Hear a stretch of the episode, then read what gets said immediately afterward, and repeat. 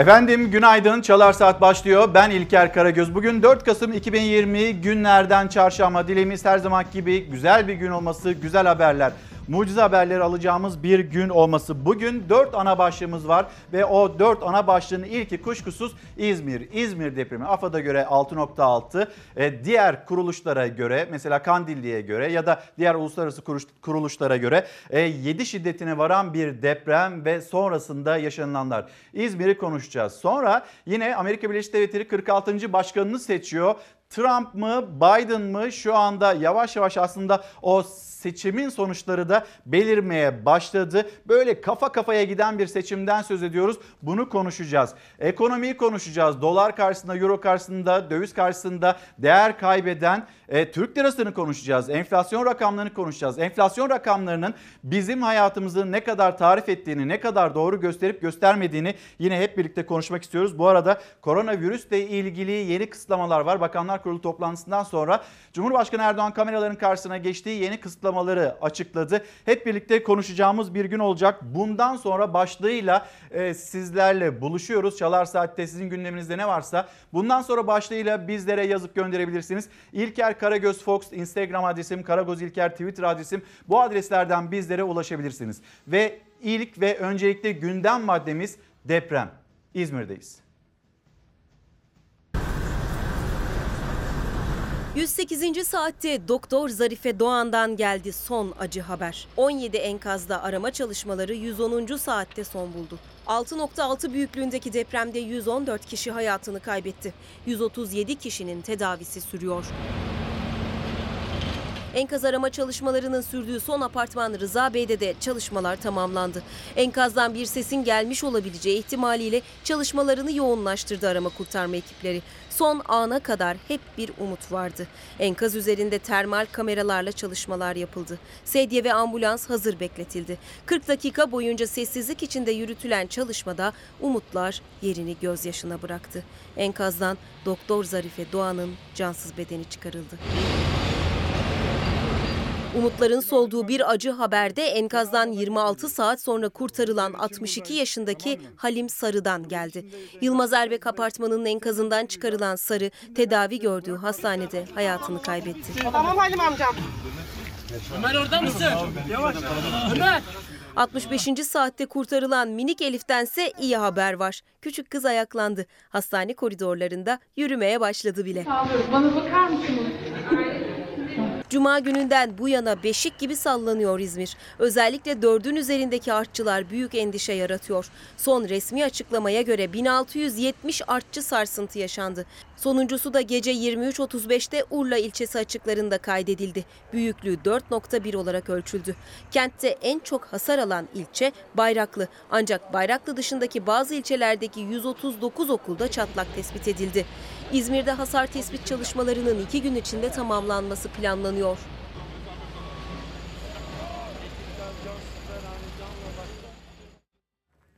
İsmail Bey günaydın Bilecik'e bizler de sevgilerimizi gönderelim. Sibel Demir e, evet hepimiz için güzel bir gün olsun bizler de dileğinize katılıyoruz. Gözlerim dolu dolu yazıyorum. Hayat bir an o da bu an. Bu duygularla yaşayalım, sevdiklerimizin değerini bilelim, kırmayalım, üzmeyelim, bencillik yapmayalım ki Sevgi bizden kalan bir iz olsun bu dünyada. İstanbul Caddebostan'dan Burak Özarslan'ın bizlerle paylaşmış olduğu mesaj bu şekilde. Bundan sonra başlığı altında konuşuyoruz. Hemen ben e, yine AFAD'ın yapmış olduğu açıklamayı bir kez daha sizlerle paylaşayım. Sonrasında İzmir'e gideceğiz. Fox Haber'den Gamze Dondurmacı ve Kazım Gökçe bizleri bekliyor. Ve İzmir'de bir dayanışma e, kampanyası var. O dayanışma kampanyası ile ilgili olarak da İzmir Büyükşehir Belediye Başkanı Tunç Soyer'le bir yayın gerçekleştireceğiz. Büyüklüğü 4'ün üzerinde 45 artçı olmak üzere toplam 1713 e, sarsıntının meydana geldiğini e, paylaşmakta AFAD e, ve yine 114 vatandaşımız hayatını kaybetti. Mucize haberleri alıyoruz. Bu mucize haberleriyle gözyaşlarına boğuluyoruz ama diğer tarafıyla da 114 kişiyi kaybettik biz İzmir depreminde. Yaralananların sayısı da 1035 olarak yine AFAD tarafından duyuruldu. 17 binadan 15'inde çalışmalar tamamlanmış olup 2 binada çalışmaların devam ettiği bilgisini de paylaşıyor AFAD. Şimdi o 2 binadan birisi Rıza Bey apartmanı hemen oraya gideceğiz İzmir Bayraklı. Rıza Bey apartmanının hemen önünde enkaz çalışmaları da devam ediyor. Gamze Dondurmacı bizi bekliyor. Gamze günaydın son durumu senden alalım. Rıza Bey Apartmanı'nın önündeyiz. 17 bina yıkılmıştı İzmir genelinde. 17 binanın ikisinde şu an çalışmalar devam ediyor. Barış sitesi ve Rıza Bey Apartmanı. Ama enkaz kaldırma çalışmaları devam ediyor. Yani artık bu enkazın üzerinde arama kurtarma ekiplerini görmüyoruz. Sadece kepçeler çalışmalarını yürü- yürütüyor ve burada bulunan e, yığınları, yıkılan binadan kalanları toplayacaklar ve burası artık düzeltilecek. Çünkü etrafındaki diğer gözüken 3 blokta, 3 binada da e, ciddi kaymalar yaşanıyor. Zaten arama kurtarma ekipleri çalışırken de bu risk devam ediyordu. Santim santim kaydı bu binalar. Bu binaların da acil olarak yıkılması gerekiyor. Öncelikli olan e, nokta bu. Aslında e, burada çalışmalar yapılırken yakınlarını görüyorduk. Yakınlarını bekleyenleri enkaz altında olduğu düşünülenleri ama şimdi e, onları da göremiyoruz. Sadece burada enkaz kaldırma çalışmaları yürütülüyor. Burada e, İzmir'de yaralar sarılmaya başlanıyor. E, İzmir e, bu yaşadığı depremin ağırlığını e, iyileştirmeye, tedavi etmeye başlıyor ama burada asıl sorun e, bugünden sonra başlayacak. E, çünkü bugünden sonra barınma ihtiyacı arttı. Barınma ihtiyacıyla beraber de ısınma ihtiyacı arttı. Aslında buraya çok fazla bebek bezi, bebek maması geliyor ama bebek bezi, bebek mamasından çok uyku tulumuna, ısıtıcıya ihtiyaç var burada. Çadırda kalanlar için özellikle bunların temin edilmesi gerekiyor. Tamamen burada barınmak için şu anda yapılması gereken şeyler e, ve ihtiyaç listeleri bunlar aslında. Gamze Dondurmacı çok teşekkürler hem sana hem de Kazım Gökçe'ye. Evet en temel ihtiyaç şu anda barınma. Çadır kentlerde kuşkusuz o sobalar var. Sobalar getirildi kuruldu ama o sobalar çocukları ısıtmakta e, yeterli olmuyor. Geceler artık daha e, sert geçiyor, daha soğuk geçiyor ve Kasım'ın dördüne geldik ve kış yavaş yavaş da kendisini hissettirmeye başladı. Şimdi Hürriyet Gazetesi, Hürriyet Gazetesi'nin hemen bir manşetinden önce sür manşetine bakalım. Cesur Yürek. Türkiye enkazdan 91 saat sonra çıkan 3 yaşındaki Ayda için sevinç gözyaşı dökerken küçük kızın cesur tavırlarını hayranlıkla izledi. Her şey kurtarma ekibinin bir yardım çığlığı duymasıyla başladı. Büyük bir sessizlik sağlandı ve kimse var mı diye seslenildiğinde enkazdan buradayım yanıtı geldi. Adın ne diye sordular. Ben Ayda iyiyim dedi. Bir saat sonra Ayda Gezgin'e ulaşıldı. Kurtarma ekibi abinin elini tutan küçük kız su istedi. Ambulansta da köfte ve ayran var mı? Babam nerede diye sordu. Annesi Fidan Gezgin'in aynı enkazda can verdiğini bilmiyordu. Ayda hepimiz için umut oldu. Hepimiz için 91 saat sonra gelen bir mucizeyi yaşattı ve bütün Türkiye'yi gözyaşlarına boğdu. Ama o Türkiye sevinç gözyaşlarını yaşarken ve dökerken tam da o tünelin ucunda enkazdan çıkartılırken hayat koridorundan giderken bir seslenişi vardı ve o seslenişi de annesineydi. Anne, anne diye seslendi. Bir tarafıyla sevindik, çok sevindik ama bir kez daha söyleyelim. Ayda annesini kaybetti. 114 kişi bu depremde hayatını kaybetti.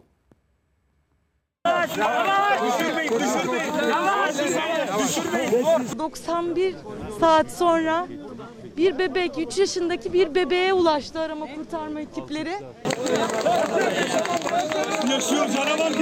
Diğer ekiplerle beraber çalışma yaparken 91 saatte bir ses duydum. Aşağıdan gelen sesin e, ben buradayım ben buradayım diyordu.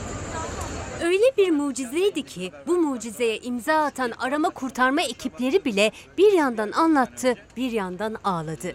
Tüm Türkiye depremden tam 91 saat sonra evladına 4 yaşındaki Aydan Gezgin'e kavuştu. Bir mucize gerçekleşiyor burada. Arama kurtarma ekipleri, umkiciler, ambulans ekipleri alkışlarla bebeği bulunduğu noktadan çıkaracaklar. Gerçekten ben de hüngür hüngür ağladım oradan çıkarken.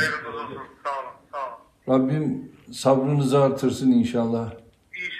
Ayda yavrumuzu Rabbim sizlere bağışladı. Büyük felaketin üzerinden koca 5 gün geçtikten sonra Bayraklı'daki Rıza Bey apartmanının enkaz yığınından önce sesi duyuldu. Sonra gülümsemesi görüldü.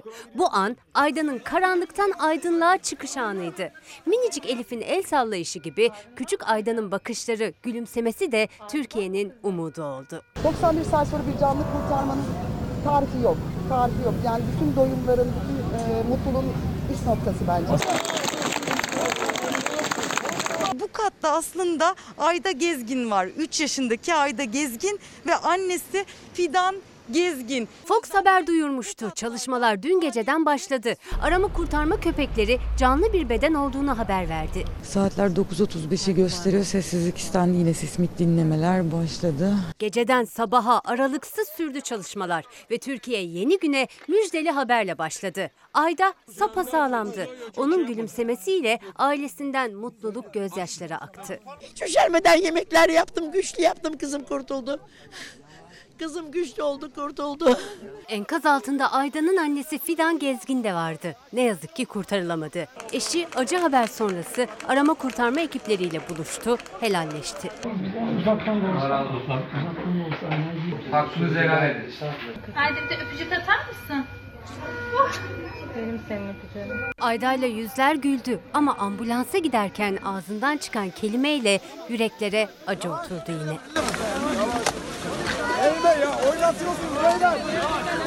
Ambulansta ne istiyorsun diye sordu sağlık görevlileri. Susamıştı, acıkmıştı. Köfte ve ayran dedi. Ne istiyorsun canım? Efendim? Yemek mi istiyorsun? Yemeklerden ne istiyorsun? İstediğin bir yemek var mı onu hazırlatalım. Efendim canım? Köfte ve ayran mı istiyorsun? Ayda'nın ilk isteğinin karşılanması kolay. Ama asıl annem nerede sorusuna nasıl yanıt verilecek? 4 yaşındaki bir çocuğun annesiz kalmasının sorumluları hesap verecek mi? İşte bunu bekliyor Türkiye. Hürriyet gazetesiyle devam ediyoruz. Son tuğla kalkana kadar helal olsun kahramanlara. Kimi orkestra şefi, kimi ormancı, kimi doktor. Meslekleri farklı ama amaçları aynı. Hayat kurtarmak için İzmir'e koştular. Türkiye günlerdir onları gururla izliyor. Hiçbir karşılık beklemeden Türkiye'nin dört bir yanından İzmir'e gittiler. Enkaz yığınlarına girip onlarca canlı çıkarttılar. En son verilen e, rakamlara göre 106 kişi orada arama kurtarma çalışmaları, enkaz kaldırma çalışmaları devam ederken o enkazın altından tonlarca e, ağırlıktaki o betonların altından çıkartılmayı başarıldı. Elif ve Ayda bebekleri de kedileri, kuşları, köpekleri de onlar kurtardı. Enkazdan canlı çıkardıklarında ailelerinden birini bulmuş gibi sevindiler. Depremde kaybedilenlere aynı duygularla gözyaşı döktüler. Günlerdir uyumadan çalışıyorlar. Hem enkazın altındakilerin hem de dışarıda onları bekleyenlerin umuduyuz. Son tuğla kalkana kadar İzmir'deyiz diyorlar. Ve bir de çağrıları var. Daha çok arama kurtarma görüntüsüne ihtiyacımız var. Gelin eğitim alın, afetlere hazırlıklı olalım. Evet bundan sonra ne yapmamız gerekiyor? Arama kurtarma ekipleri çok teşekkür ederiz. İşte dün Ayda Ayda'yı kurtaran ekibin içinde Türkiye'nin dört bir yanından arama kurtarma personeli vardı. Diyarbakır'dan, Sakarya'dan, İzmir'den, Çanakkale'den, İstanbul'dan her yerden e, arama kurtarma ekipleri bu deprem olduktan sonra soluğu İzmir'de aldılar. Bir kişiyi daha bulabilir miyiz? Biz o enkazın altından bir hayatı daha yakalayabilir miyiz? Yaşatabilir miyiz mücadelesi e, içinde? Hem onlara teşekkür ediyoruz hem onların özlük hakları var. İtfaiyeciler, itfaiye erlerinin özlük hakları var. Onları da bir kez daha hatırlatmış olalım. Aslında siyaset üstü bir konuyu konuşuyoruz. Eğitimle, bundan sonra eğitimle, çocuklarımıza vereceğimiz eğitimle, kentsel dönüşümle deprem meselesini çok daha ciddi bir şekilde ele almamız gerekiyor. Ya da depremden önce Ağırlığı mesela bir Kanal İstanbul. Bizim öncelikli projemiz bu mu olmalı yoksa en büyük projemiz bizim insanları yaşatmak mı olmalı? Buna hep birlikte karar vermemiz gerekiyor. Siyaset üstü bir mesele olması gerekir derken yine tabii siyasetin en önemli ve en sıcak tartışma konularından bir tanesi oldu. Kılıçdaroğlu konuştu, Bahçeli konuştu. Dün mecliste grup toplantıları vardı. Kılıçdaroğlu insanlar tabutlukta depremi bekliyorlar dedi. CHP lideri Kılıçdaroğlu depreme karşı gerekenlerin yapılmadığını vurgulayarak şöyle dedi. Bizim insanımız kendi evinde tabutlukta depremi bekliyor. Siyasi iktidar insanı yaşatmak için alınması gereken önlemleri alıyor mu, almıyor mu? İşte bu sorunun yanıtı bulunmalı. Bundan sonra da o adımlar, gerekli adımlar atılmalı. Hırsız müteahhit öncelikli sorun yine CHP MHP lideri Devlet Bahçeli'nin açıklamasıydı. Bahçeli kaçak binalar, kaygan zeminler, hırsız müteahhitler, denetim kusurları bana bir şey olmaz pervasızlığı çözülmesi gereken öncelikli sorunlardır dedi. Şimdi burada tabii top bir o tarafta bir bu tarafta. E, belediyeye sorduğunuzda benim yetkim yok ki demekti. Ya da yetkililere devlete sorduğunuzda e, belediyeler o zaman zamanında e, çürük raporları verdilerse neden bize bildirmediler ya da bunun takibini 10 yıl önce yaptılar ve devamını neden getirmediler diye. En sonunda yavaş yavaş faturanın da vatandaşa çıktığını birlikte gördük. Bunu konuşacağız. Gelelim bir gazete pencere. Gazete pencerenin manşeti koronavirüs deprem gündeminden başımızı kaldırdığımızda ekonomi gündemine dönüyoruz. Depremden şöyle bir e, sıyrıldığımızda etrafta ne oluyor, Türkiye'de ne oluyor dediğimizde koronavirüsün yavaş yavaş nasıl da yayıldığını hep birlikte görüyoruz ki o kısıtlamalar yine yavaş yavaş gelmeye başladı. Bakanlar Kurulu toplantısından sonra e, Cumhurbaşkanı Erdoğan kameraların karşısına geçti. Şimdi yönetmenimiz İrfan'dan da rica edeyim önce bir haberi okuyayım. Ondan sonra Cumhurbaşkanı Erdoğan'ın bu konuyla ilgili yapmış olduğu sıcak açıklamalar onları da sizlerle paylaşalım. 22'den sonra hayat duracak. Türkiye'de rüzgara karşı duramadığı ve Haziran ayında kaldırılan kısıtlamalarla ilgili ilk geri dönüş adımını attı. Bakanlar Kurulu'nda lokanta, restoran, pastane, tiyatro, konser salonu benzeri tüm iş yerleri 22'de kapanacak. Tabi bizim bir diğer merak konumuz ne derseniz eğitim. Hani bütün okullar için ya da bütün sınıflar için o eğitim aşamasına geçilecek mi geçilmeyecek mi? Bununla ilgili de cümleler kurdu Cumhurbaşkanı. Türkiye genelinde geçerli olacak şekilde şu hususları kamuoyuyla paylaşmak istiyorum. Özel sektör ve kamuda esnek mesai uygulaması teşvik edilecektir. Pazar yeri ve market gibi yoğun insan hareketliliğinin olduğu yerlerdeki denetimler artırılacaktır. Paket servis hariç olmak üzere lokanta, restoran, pastane ile berber, kuaför, nikah, düğün salonu, yüzme havuzu, hamam, kaplıca, sauna, internet kafe, halı saha, tiyatro, sinema, konser salonu ve benzeri tüm işyerlerinde hizmetler saat 22'de sona erecektir. Vatandaşlarımızdan kalabalık ortamlardan kaçınmalarını ev ziyaretlerini dahi mecbur olmadıkça yapmamalarını özellikle rica ediyorum. Salgının seyrine göre önümüzdeki haftalarda diğer sınıfların durumlarını değerlendireceğiz. Efendim bir kez daha İzmir'deyiz. Yine Rıza Bey Apartmanı'nın önündeyiz. İzmir Büyükşehir Belediye Başkanı Tunç Soyer bizi Rıza Bey Apartmanı'nın önünde bekliyor. Şimdi az önce Dam, e, Gamze anlatmıştı ve e, bizim orada en temel ihtiyacımız tabii ki herkes buraya bir e, dayanışma içinde geliyor ve yardım etmeye çalışıyor ama en temel ihtiyaç şu anda barınma ve ısınma demişti. Burada hangi adımlar atılıyor ve dayanışma ile ilgili İzmir Büyükşehir Belediye Başkanı Tunç Soyer'in e, atmış olduğu bir adım var. O kampanyayı da kendisinden dinlemek istiyoruz. Tunç Bey günaydın. E, sizi dinliyoruz. Şu anda orada evet. şöyle bir etrafınıza günaydın, baktığınızda günaydın. durum nasıl? Günaydın. Ee, günaydın, teşekkürler İlker Bey. Ee, programdan önce biraz erken saatlerde e, çadır alanlarını dolaştık ve vatandaşlarımızla e, sohbet ettik.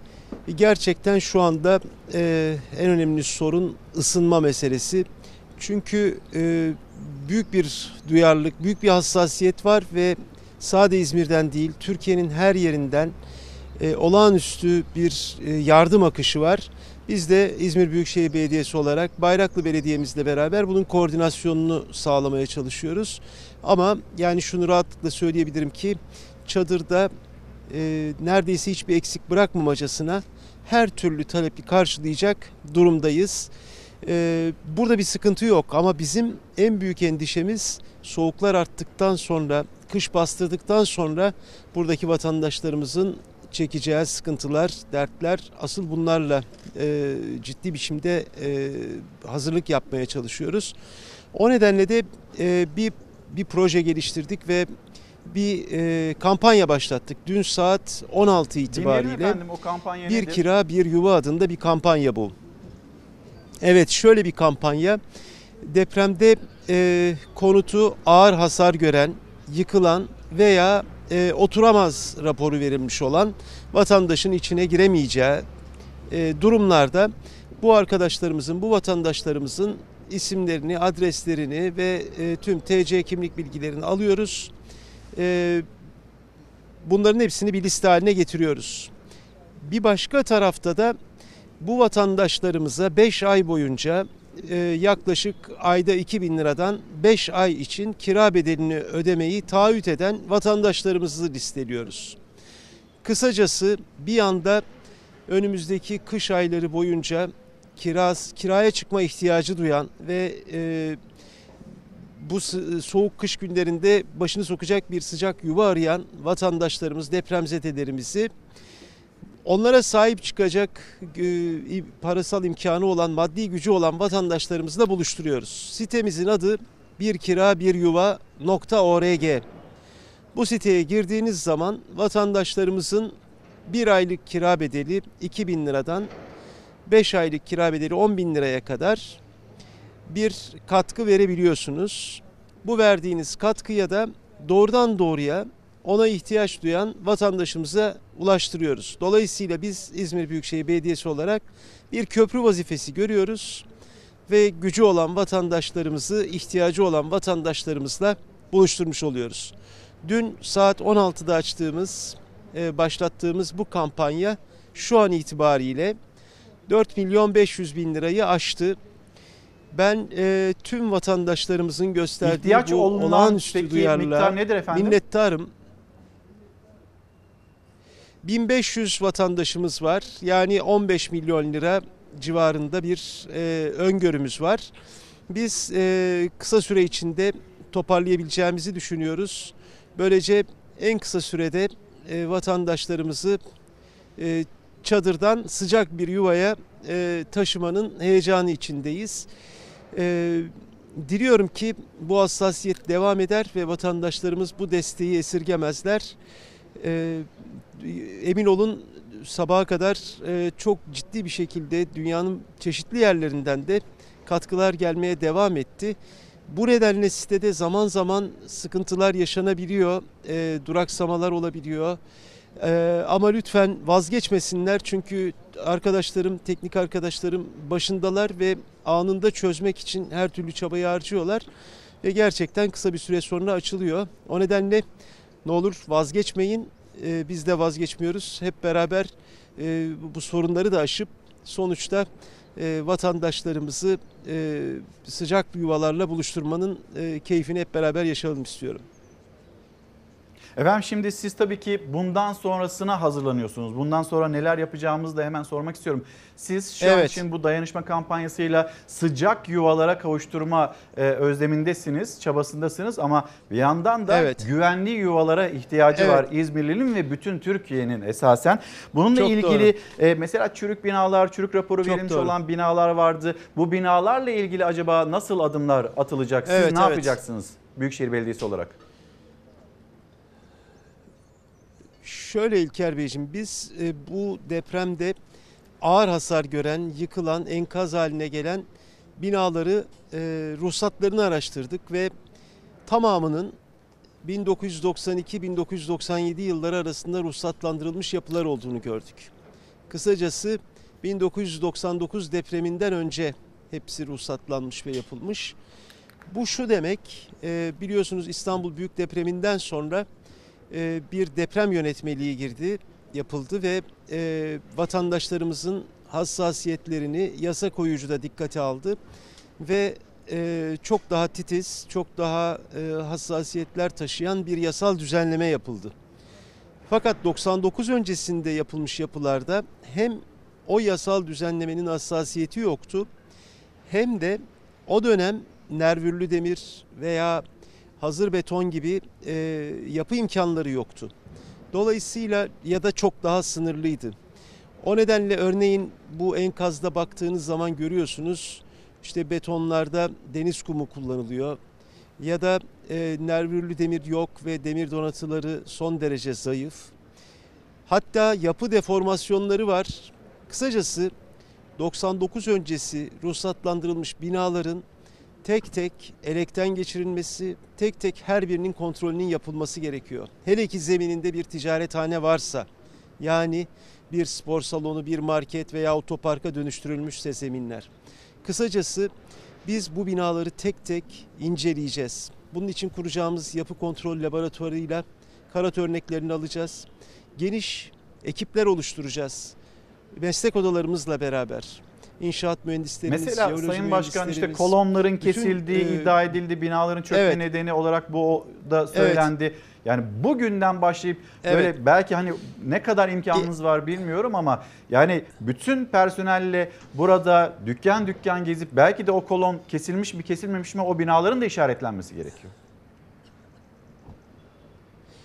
Aynen öyle İlker Bey. Tam da onu söylüyorum. Ruhsatlarını 99 yılından önce almış olan tüm yapılarda öncelikle onlardan başlayarak kuracağımız yapı denetim ekipleriyle beraber ve kuracağımız yapı kontrol laboratuvarında inceleyecek şekilde yapı numunelerini, beton numunelerini hepsini alarak yerinde bu, bu kontrolleri başlatacağız. Bunu şunun için söylüyorum. Önümüzdeki günlerde e, bizim meclislerimiz başlıyor. Bütçemizi görüşeceğimiz meclislerimiz başlıyor. Bu meclislerde bütçeyi revize edeceğiz ve buraya kaynak aktaracağız daha bugünden başlayacak şekilde. Kısacası biz kendi öz kaynaklarımızla İzmir'de tüm yapıların envanterini çıkartmaya başlıyoruz. Ve bu e, denetlediğimiz her yapıya bir deprem güvenlik e, karnesi vereceğiz. Yani bu karnesi pek iyi olan, iyi olan vatandaşlarımız bilecekler ki güvenli binalarda hayatlarını sürdürüyorlar. Sonuçta biz bu şehirde yaşayan herkesin bu şehirde güvenle yaşadığını bildiği, güvendiği, inandığı bir şehir yaratmak istiyoruz. Ve bunun çok mümkün olduğunu biliyoruz. Dediğim gibi hükümetten de destek isteyeceğiz. Ama hakikaten e, onların takdiri verirler vermezler bilemem ama biz bunu kendi öz gücümüzle yapacağız. Ve diliyorum ki yapacağımız bu çalışma Türkiye'ye de örnek olur. Türkiye'de de aynı hassasiyetle yapı kontrolleri ve yapı kontrol laboratuvarları kurulur. Ee, özellikle meslek odalarıyla, bilim adamlarıyla, akademisyenlerle birlikte hızlı, yoğun bir tempoda bu çalışmalar yapılır. Efendim çok teşekkür ediyorum yayınımıza katıldığınız için. Şimdi siz bir toplantıya gideceksiniz biliyorum. Ben de bu arada e, size veda ederken ve kolaylıklar dilerken bir kez daha geçmiş olsun. E, İzmir'e ve bütün Türkiye'ye bir kira bir yuva.org bu adres üzerinden e, İzmir'deki dayanışmaya destek verebilirsiniz dedi. İzmir Büyükşehir Evet. Belediye Başkanı Tunç Soyer. Son bir cümleniz varsa alayım efendim. Çok teşekkür ediyorum. Heh, tamam. Sağ olun İlker Bey. Ben de onu Biz söyleyecektim. Bir kira bir yuva.org desteklerinizi esirgemeyin. Sağ olun. Çok teşekkür ediyorum. Teşekkür ederiz. Çok sağ olun. Şimdi efendim gündemin bugün dört başlığımız var demiştik. İzmir depremi, İzmir depremi ve bundan sonra ne olacak bunu konuşacağız. ABD Başkanı e, kim olacak? Trump mı Biden mı? Önemli gündem maddelerimizden bir tanesi de bu olacak ve şu anda bu yarışın kafa kafaya devam ettiğini söyleyelim. Kim daha fazla oy alırsa o kazanıyor anlamına gelmiyor Amerika Birleşik Devletleri'nde. Kim daha fazla seçici kurulda e, delegeye sahip olursa demokratlar mı cumhuriyetçiler mi o aslında başkanı belirliyor. Bunu bir kez daha söyleyelim. Koronavirüsle ilgili gelen kısıtlamalar e, az önce Cumhurbaşkanı Erdoğan'ın yapmış olduğu açıklamayı sizler de gördünüz. Ve gelelim ekonomi. Deprem gündeminden diğer başlıklardan şöyle bir başımızı kaldırdığımızda karşımıza ekonomi çıkıyor. Hayat pahalılığı çıkıyor. Ya da emeklinin, işçinin, memurun, çiftçinin geçinme meselesi ortaya çıkıyor. Bu meseleleri de aktaracağız sizlere ama önce tabii ki hani o kadar yoğun bir gündem Kah sevindik, kah üzüldük, e, Ayda'yla sevindik ama diğer can kayıpları üzüldük. O gündemde şöyle bir başımızı kaldırıp da bakamadık. Enflasyon verilerini açıkladı TÜİK ve enflasyon verilerine baktığımızda Ekim ayı enflasyonu %11.89. Yani geçen sene bu dönemde 100 liraya aldığınız e, ürünlerin toplamı bu sene 110 lira 89 kuruş olmuş. Yani bu şekilde tarif ediliyor. Siz öyle mi yaşıyorsunuz? Hayat pahalılığı bu seviyede mi ve bundan sonra Bundan sonra acaba doların seyri ne olacak? ABD'deki seçimle e, biraz da böyle ilişkilendiriliyor. Ya da bizim geçim meselemiz Türkiye Cumhuriyeti'ndeki vatandaşların geçim meselesi ne olacak? Döviz kurları rekor seviyede. Dolar 10 lira olacak ya 15 lira olacak ya 6 liradan 7 liradan toplayalım dolarları. Ha 10-15'e satarız. Dolar düştü 5 liraya. Dolar 8.43 lira olmuş ama maalesef damat bakan oralı bile değil. İyi Parti lideri Meral Akşener sabah saatlerinde meclis grup kürsüsünde konuşurken dolar 8 lira 40 kuruştu. Saatler içinde rekorunu tazeledi 8 lira 50 kuruşu gördü. Euro 10 lirayı. Döviz kurunun rekor tazelediği gün TÜİK rakamlarına göre Ekim ayı enflasyonu da bir önceki aya göre %2,13 arttı. Yıllık enflasyonsa %11,74 oldu. Açıklanan enflasyon ne? Yüzde 11-12. Siz bu milleti bu kadar saf mı zannediyorsunuz? Hiç alışverişe gitmiyor mu zannediyorsunuz? Bu vatandaşın geliri ne kadar artıyor? Emekli maaşı ne kadar artıyor? Dolarla mı maaş alıyorsunuz? Döviz kurları artarken enflasyonu durduramazsınız. Bunu anlamanız için daha kaç iş yerinin batması gerekiyor? Bunu anlamanız için daha kaç kişinin işsiz kalması gerekiyor? Merkez Bankası olarak bizim kur noktasında herhangi bir nominal ya da reel kur seviyesi hedeflemiyoruz. Hale bakar mısınız? Damat bakanı uyarıyorum. Merkez Bankası başkanına çaycın gibi davranmaktan vazgeç. Ekonominin dümenindeki Berat Albayrak kura bakmıyorum demişti. Merkez Bankası Başkanı da döviz kuru tahminimiz yok dedi. Muhalefet o açıklamalar üzerinden yüklendi. Kayınpederinle birlikte geçir, geliştirdiğin, tarihteki tüm ekonomistleri mezarında ters döndüren o meşhur faiz sebep enflasyon sonuçtur teorinizi uygulamaktan artık vazgeç. Önemli olan kurun seviyesi değil, rekabetçi olup olmamasıdır. Hani bir fıkra vardır. Adam attan düşer. Ondan sonra der ki ben zaten inecektim diye. Şimdi bunlar attan düştü. Bunu beceremedi. E biz zaten yüksek kur istiyorduk. Rekabetçi kur ne demek? Kurun yükselmesi demek. E yüksek kurun siz enflasyonu vurduğunu bilmiyor musunuz? Bakan olduğumdan beri her gün Türkiye batıyor. Reel sektör firmalarımızın 292 milyar dolar döviz yükümlülüğü var. Yılbaşından bu yana dolar kuru 2 lira 40 kuruş artmış. Yani firmaların borçları 700 milyar lira artmış. Döviz kurundaki zirve enflasyondaki tırmanış muhalefetin eleştirisi çok ama ekonomi yönetiminden bir açıklama yok. Efendim dört başlığımızdan bir tanesi ABD'deki e, seçim olacak. ABD'nin 46. başkanı kim? Ve bu konuyu e, Sözcü Gazetesi yazarı Deniz Zerek'le birlikte konuşacağız. Deniz abi günaydın. Günaydın. Hoş geldin. Bu konuya geçeceğiz Deniz abi ama senin bugünkü yazın çok çarpıcı. Biz daha önce bu e, görüntüyü de zaten ekranda paylaşmıştık. 99 depremiyle bugün yaşanılan deprem e, kıyaslanıyor devletin yöneticileri tarafından. Yani ne kadar kıyas tutar belki bunu konuşmamız gerekiyor. Ve işte bir deprem gerçeği, Evet. siyasetin kısır tartışmaları ama döndüğümüzde bu gerçek var. Evimize giriyoruz güvenli yer diye bir sarsıntı ve sonra Evet. alt üst olan hayatlar. Tabii. Yani deprem böyle bir şey. Ne zaman geleceği, ne kadar şiddetli geleceği, nasıl geleceği e, bilinmiyor. Yani sadece riskleri biliyoruz. İstanbul'da deprem riskinin çok yüksek olduğunu biliyoruz. E, bu bölgenin işte Karaman'ın, Ankara'nın nispeten daha güvenli olduğunu biliyoruz. Onun dışında baktığın zaman Türkiye'nin fay haritasına ülkenin önemli bir bölümü %98. kırmızı. Yani bu bu kadar gerçek. Hani hep konuşuyoruz Japonlar bu işi halletti. E nasıl hallettiler? Yani her kuralları belli. Nasıl yapmak gerektiği belli. İnşaat yani yapı stoğunun kalitesi belli vesaire. Japonlar bu işi nasıl halletmiş o da belli. Şimdi mesela hala İzmir depreminde şunu görüyoruz. Yıkılmayan binalarda da bütün eşyalar devrilmiş mesela. Evet. Depremde de vardı 1999 depreminden sonra. Yaşadın onu. Gittin. Ee, hep ne diyorlardı işte kitaplıklarınızı, dolaplarınızı tutturun duvarlara devrilmesin. Onlar bile çok ciddi sonuçlar doğuruyor. Bu konuda bile bir adım atılmadı. Yani en basiti bu. Ee, biz şimdi 99 mesela e, bu deprem alanında siyaset yapmak iyi bir şey değil. Yani işte Tarım Bakanı'nın e, orada yaptığı konuşmayı çektirmesi, onu internette paylaşması, sonra işte konuştuğu şeyde gidip poz vermesi, depremzedeyle e, görüşmesi vesaire. E, Fuat Oktay'ın konuşması mesela, bugün ben onu yazdım. Ya 99'u biz yaşadık gazeteci olarak takip ettik. Yani 3.02'de deprem oldu. Ee, 17 Ağustos'ta. Biz saat 6'da 6 gibi 7 gibi o civarlarda İzmit'e varmıştık. Ve korkunç bir manzara vardı. 133.600 küsür bina çökmüş. Düşünebiliyor musun? Rıza Bey apartmanında 133 bin tane daha var. Ve yani her birine bir kişi e, bir kurtarma personeli gitse 133 bin kişiden fazla insan gerekiyor. Ve siz kalkıyorsunuz depremzedeyle konuşurken e, biz 99'ları yaşadık nereden nereye geldik.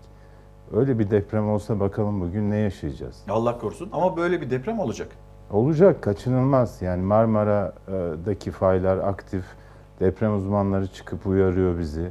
Ama İstanbul'un 21 yılda İstanbul'un yapı stoğunda ne değişti Allah aşkına? Kentsel dönüşüm yapalım diyorlar, yapıyoruz diyorlar vesaire. Kentsel dönüşümü anlama biçimi tamamen ransal dönüşüm. Müteahhite verelim, müteahhit orayı alsın, kendine de kar bırakacak şekilde şey yapsın. Bir yeni bir e, proje çizsin. 10 daire kendisine kalsın, şu kadar kazansın, gerisini de işte bu, bu bakış açısıyla hala Bir yaklaşıyoruz. mevzuat problemi var Deniz abi. Doğru. Yani devlete baktığınızda bana niye bildirmediniz? Ya da bana böyle bir e, başvuru gelmedi ki diyor çürük binalarla ilgili. Ben bunun araştırmasını yaptım. Ben sadece size tavsiye ediyorum, söylüyorum. işte söyledim. E siz de gereğini yapmamışsınız diyor belediyeler. Sonra iş vatandaşa kalıyor. E orada oturmasaydınız. Ya faturayı vatandaşa evet, kesiyorlar. faturayı vatandaşa kesiyorlar. Vatandaş e ne yapsın? Siz sıkı e, alsaydınız, tedbirini Ne yapsın vatandaş? alsaydınız. Diyelim ki riskli bir binada oturuyorsun. Yani şöyle bir seçeneği, iki seçeneğin var. Müteahhite vereceksin apartmanı. Gelecek daha büyük bir bina yapacak. Oradan kendisine de para kazanacak bir şey hani e, daireler oluşturacak. Geri kalanını size dağıtacak. Bir yöntem bu. Öyle değil mi? Evet. E, öteki yöntem ne? Cebinizden para vereceksiniz. Binanızı yıkacaklar. Yeniden yapacaklar. Aynı daire sayısı, aynı şey.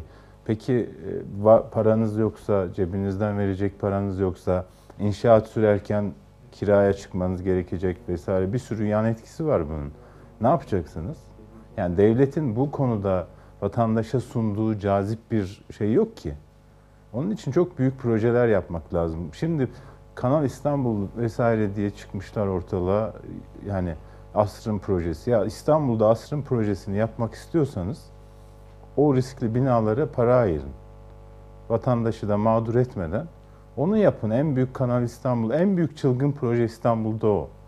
Bütün riskli binalardaki insanları çıkarın. O binaları yenileyin. İnsanlar huzur içinde, güven içinde o binalarda yaşamaya devam etsinler. Güvenli yuva Tabii. Türkiye'de çılgın proje oldu. E tabii. Yani şu anda İstanbul için en çılgın proje depremde yıkılması muhtemel binaların yenilenmesidir. Çünkü sayı çok fazla. Yani bugün Gürsel Tekin'in bir açıklamasını görmüştüm. 7 milyon civarında sorunlu e, yapı var diyor. Tabii onlar iyimser. Yani düşünebiliyor musun? 7 milyon civarında her birinde 4 kişi yaşasa ülkenin neredeyse üçte biri deprem riskiyle şu anda karşı karşıya ve kimse bunun farkında değil. Ne diyoruz? 99'da hükümet iki günde ne olduğunu anlamamıştı. Biz iki dakika içinde yetiştik. Yani şimdi bir tarafta 133.600 küsür bina var, bir tarafta 17 bina var. Nasıl karşılaştırıyorsun? Hangi mantıkla karşılaştırıyorsun? 400 küsür bin bina hasar görmüştü. Yani 400 bin şeyde evde yaşayan insanlar için çadır kent kurulmuştu. İşte onların gıda ihtiyaçları karşılanmaya çalışılmıştı. Aynı anda da o 133 bin enkazda insanlar kurtarılmaya çalışılmıştı. Düşünebiliyor musun? Şimdi bir e, değerlendirme var. E, deprem uzmanı Kubilay Kaptan tarafından. 2500'de 10 bin adet çok ağır hasarlı bina olacak bu depremde. 13 binde 34 bin adet ağır hasarlı bina olacak. 85 binde 150 bin adet orta hasarlı bina olacak. Ve milyonlarca kişiyi etkileyeceğini söylüyor. İstanbul'un 31 Aralık 2016 tarihi itibariyle resmi kayıtlı nüfusu 14.8 milyon. Bina sayısı 2 milyonun üzerinde. Konu sayısı 4 milyonlu geçti. Bu koşullardaki deprem senaryosu elbette çok daha kötü olacaktır. En basit hesaplamalara kıyaslandığında alındığında 100 bin ile 120 bin ağır hasarlı bina, 1 milyonla 1 milyon 200 bin civarında evsiz aile, 2 milyon kişiye de kurtarma operasyonu gerekecek. 2 milyon kişiyi kurtarma operasyonu. Deniz abi şimdi e tabii hani bu süreçte 114 vatandaşımızı kaybettik, Evet. üzüldük. Ama çocuklarımız çocuklarımız simge oldu. 91 saat sonra Ayda enkazın Evet. altından çıktı ve herkese bir umut oldu. Ayda'ya Evet. sevindik, annesine üzüldük. Evet şimdi şöyle bir şey var. Mesela Elif bebek için de çok sevindik. Ayda için de çok sevindik. Dedik ki umut var. Yani yaşam için umut var. Ben de bugün yazı, yazımda yazımı öyle bitirdim. Yani siyaset değil yaşam kazandı bu çocuklar sayesinde. Ama şimdi bu çocuklara sevinirken sormamız gereken soruyu unutmamalıyız. Evet yani ben ben o e, Ayda bebeğin, Elif bebeğin bir gülüşüne dünyayı feda ederim. Yani onların saç, saçının teline e, herhangi bir zarar gelmesin. Bu bu kadar bizim için kıymetli. Ama onların bunu yaşamasına neden olan şeyi ortadan kaldırabiliyor muyuz? Bunu konuşmamız lazım. Seviniyoruz. Kurtuldukları için seviniyoruz. Ama Ayda annesiz büyüyecek. Bunu bunu yani ilk o sevinçle hiç düşünmedik. Tabii çok eleştirildi dün. Ayda neden bunu yaşadı? Ayda, Ayda neden e, 91 saat enkazın altında kaldı? Bunu konuşmadık o sevinçten dolayı. Doğru. Ama bizim asıl şu anda konuşmamız gereken şey bunların tekrarlanmaması. O çocukların bundan sonra güvenli evlerde yaş- yaşıyor olması. Bizim en temel sorunumuz şu anda bu. Bunu konuşmamız lazım. 70 herkes soruyor.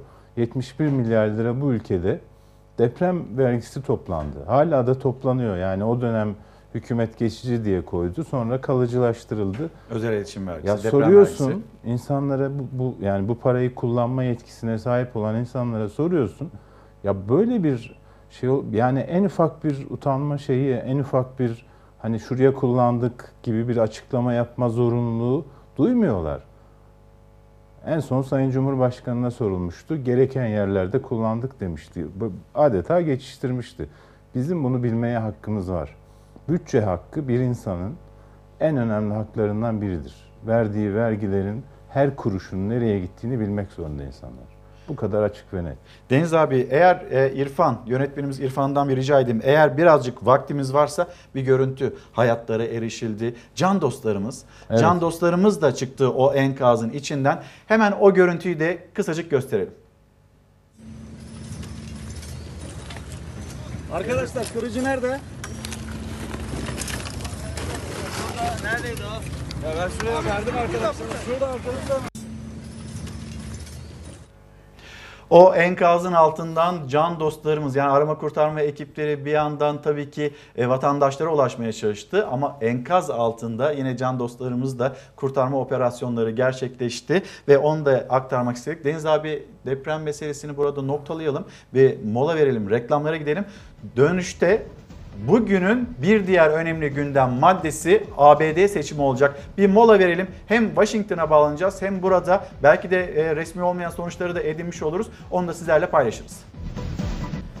Efendim bir kez daha günaydın. Çalar Saat devam ediyor. Amerika Birleşik Devletleri'nde yarış çok çetin bir şekilde devam ediyor. Az önce Biden kameraların karşısına geçti. Sonuçları almak için sabırlı olmalıyız dedi. Bulunduğumuz noktadan memnunuz dedi. Pennsylvania, Michigan'da ve Wisconsin'de de kazanacağını söyledi. Sonra sosyal medya üzerinden Trump tweet attı. Açıklama yapacağım. Seçimi çalmaya çalışıyorlar. Sandıklar kapandıktan sonra oy vermezler, veremezler açıklamasını yaptı. Giderek sertleşen bir yarış ve yapılan açıklama biz belki de resmi olmayan sonuçları öğreniriz dedik ama bir yer yandan da e, bugün bu seçim sonuçlarının açıklanamayabileceği söylenmekte. Şimdi Amerika Birleşik Devletleri, Amerika Birleşik Devletleri'ndeki o atmosfer nasıl bir paylaşalım. Sonra Washington'a gideceğiz.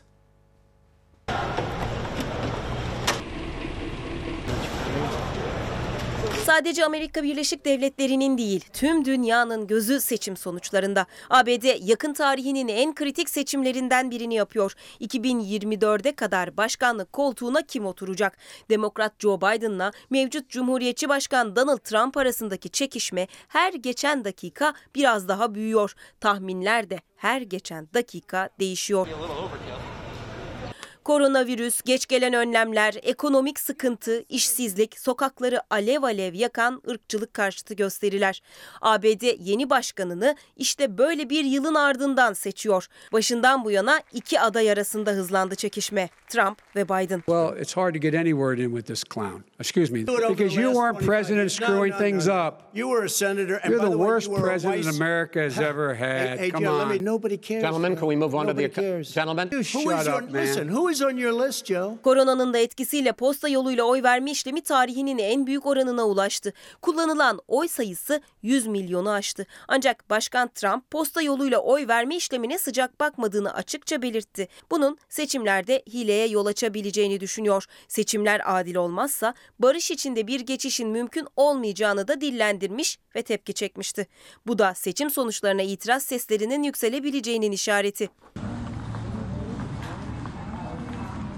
Ama sandıktan çıkan sonuç tek belirleyici etken olmayacak. Halk yeni başkanıyla birlikte 435 sandalyeli temsilciler meclisinin tamamıyla 100 üyeli senatodaki 35 sandalye için oy kullanıyor. Ülkede en fazla oyu alan değil, en fazla delegeyi kazanan aday başkanlık koltuğuna oturuyor. Birinin başkan olabilmesi için eyaletlerin çıkardığı 538 delegenin 270'ini kazanması gerekiyor. Tıpkı 2016 seçimlerinde rakibi Trump'tan daha fazla oy alan Hillary Clinton'ın delege sayısında geride kaldığı için seçimi kaybetmesi gibi. Elbette yarışın heyecanı kadar sokaklardaki gerginlik de her geçen dakika büyüyor. Washington'daki dükkan sahipleri ve apartman sakinleri günler öncesinden olası bir protestoya karşı tedbirlerini aldı. Çok sayıda ulusal muhafız birlikleri zırhlı araçlarla Chicago, Atlanta, Philadelphia'da şehir merkezine konuşlandırıldı. Seçim sonrası yaşanabilecek şiddet olaylarına karşı önlem alındı. Beyaz Saray çevresinde de olağanüstü tedbirler alındı. Seçimin kaderini iki aday arasında gidip gelen bu yüzden de salıncak olarak nitelendirilen eyaletler belirleyecek. Özellikle Pensilvanya ve Florida kritik öneme sahip. Analistler Trump'ın Florida'yı alması gerektiği görüşünde. Biden içinse 2016'da yardımcılığını yaptığı Hillary Clinton'ın aldığı yerleri muhafaza edebilirse yarışı kazanır diyorlar. Oy verme işlemi saat farkı nedeniyle her eyalette farklı saatte tamamlanıyor. Türkiye saatiyle 8'de tüm sandıklar kapandı. Donald Trump'ın eşi Melania Trump da Florida'da oy kullanmak için sandık başına gitti. Melania Trump gazetecilerin kime oy verdiği yönündeki soruyu yanıtsız bıraktı. Başa baş bir yarış e, devam ediyor. Şu anda Amerika Birleşik Devletleri'nde Ankara'dan hemen bir Washington'a dönelim. Washington'da bizi Dilge Timoçin beklemekte. Dilge günaydın ve iyi geceler şu anda orada son durum ne? Hem senden bunu alalım. Bir yandan da Trump büyük zafer kazandık diyor. Erken bir açıklama mı? Şu anda tablo onu mu gösteriyor? Senden dinleyelim. oylar hala sayılıyor. Ee, az önce siz de Twitter mesajını paylaştınız Trump'ın. Bugün bu gece büyük bir açıklama yapacağım.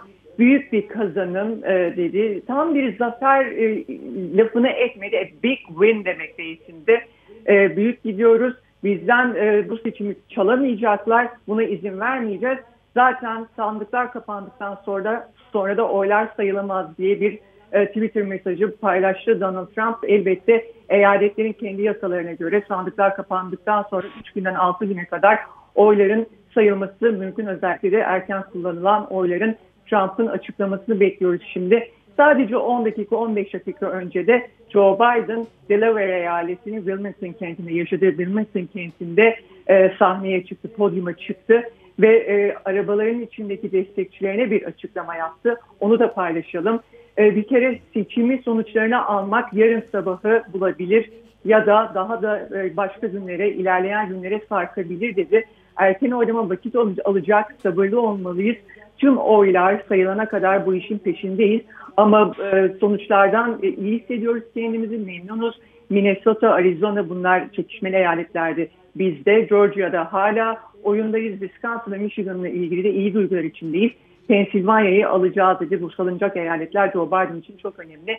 Seçimin sonucunu ilan etmek Trump ya da benim işim değil inancınızı koruyun bu seçimi kazanacağız şeklinde bir açıklama yaptı. Yani Joe Biden'dan bu gece bir erken zafer açıklaması beklemiyoruz.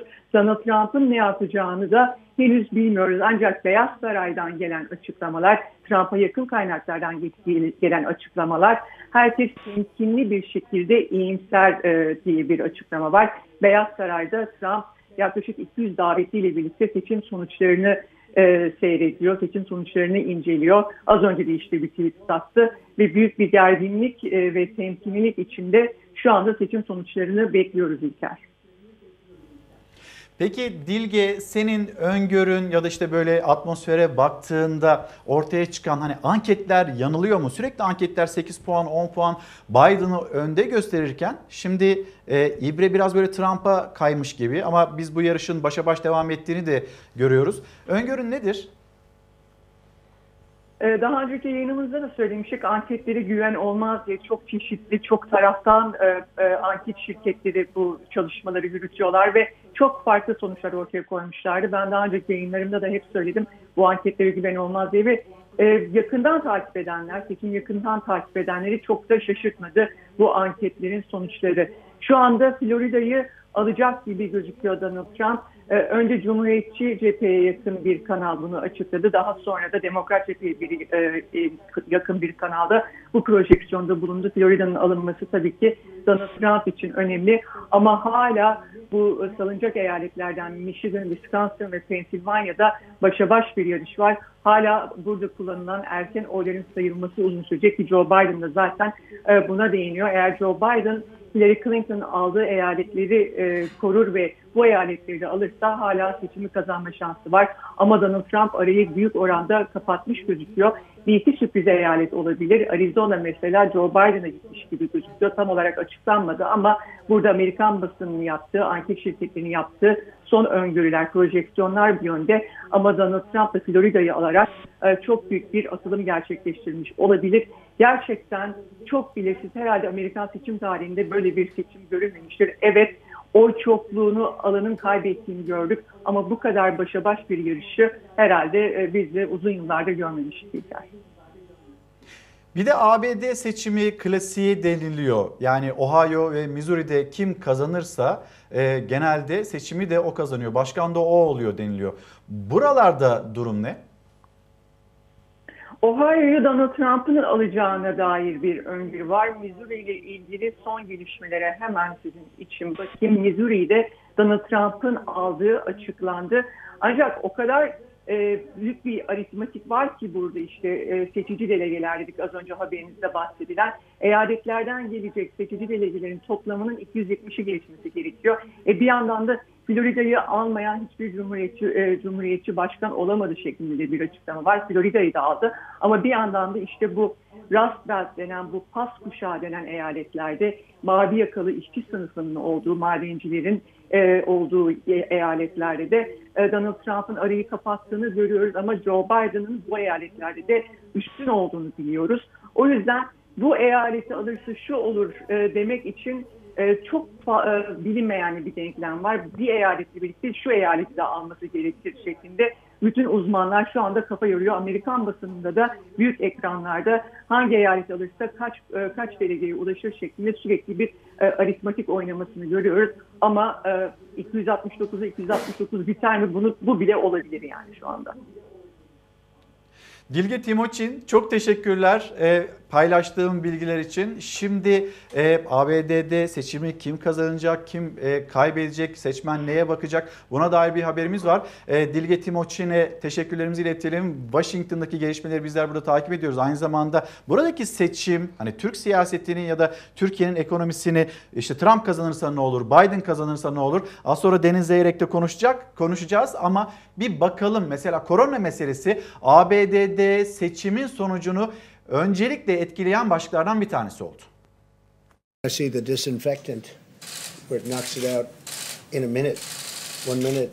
And is there a way we can do something like that uh, by injection inside or or almost a cleaning? Tüm dünyayı kasıp kavuran koronavirüs salgınının en çok etkilediği ülkelerin başında geliyor Amerika. 232 bin kişi hayatını kaybetti. Ekonomi alt üst oldu. İşsizlik yaz boyunca %10'u geçti. Seçimler de bu yıla denk gelince koronavirüs kaçınılmaz olarak siyasi bir konu haline geldi. You have to understand if you look, I mean, I have a mask right here. I put a mask on, you know, when I think I need it.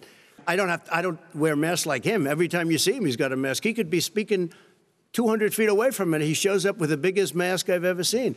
Koronavirüs Donald Trump'ın başkanlığı süresince en büyük sınavı oldu. Beyaz Saray'ın salgına yaklaşımı, salgına müdahalede hızlı davranmadığı iddiaları ve başkanın sağlık uzmanlarıyla çelişen açıklamaları eleştirilerin hedefi oldu. We've all been tested. I've been tested. We've all been tested, and we're uh, quite a distance away, and we're outdoors. So uh, I told them, I gave them the option. They could wear it or not.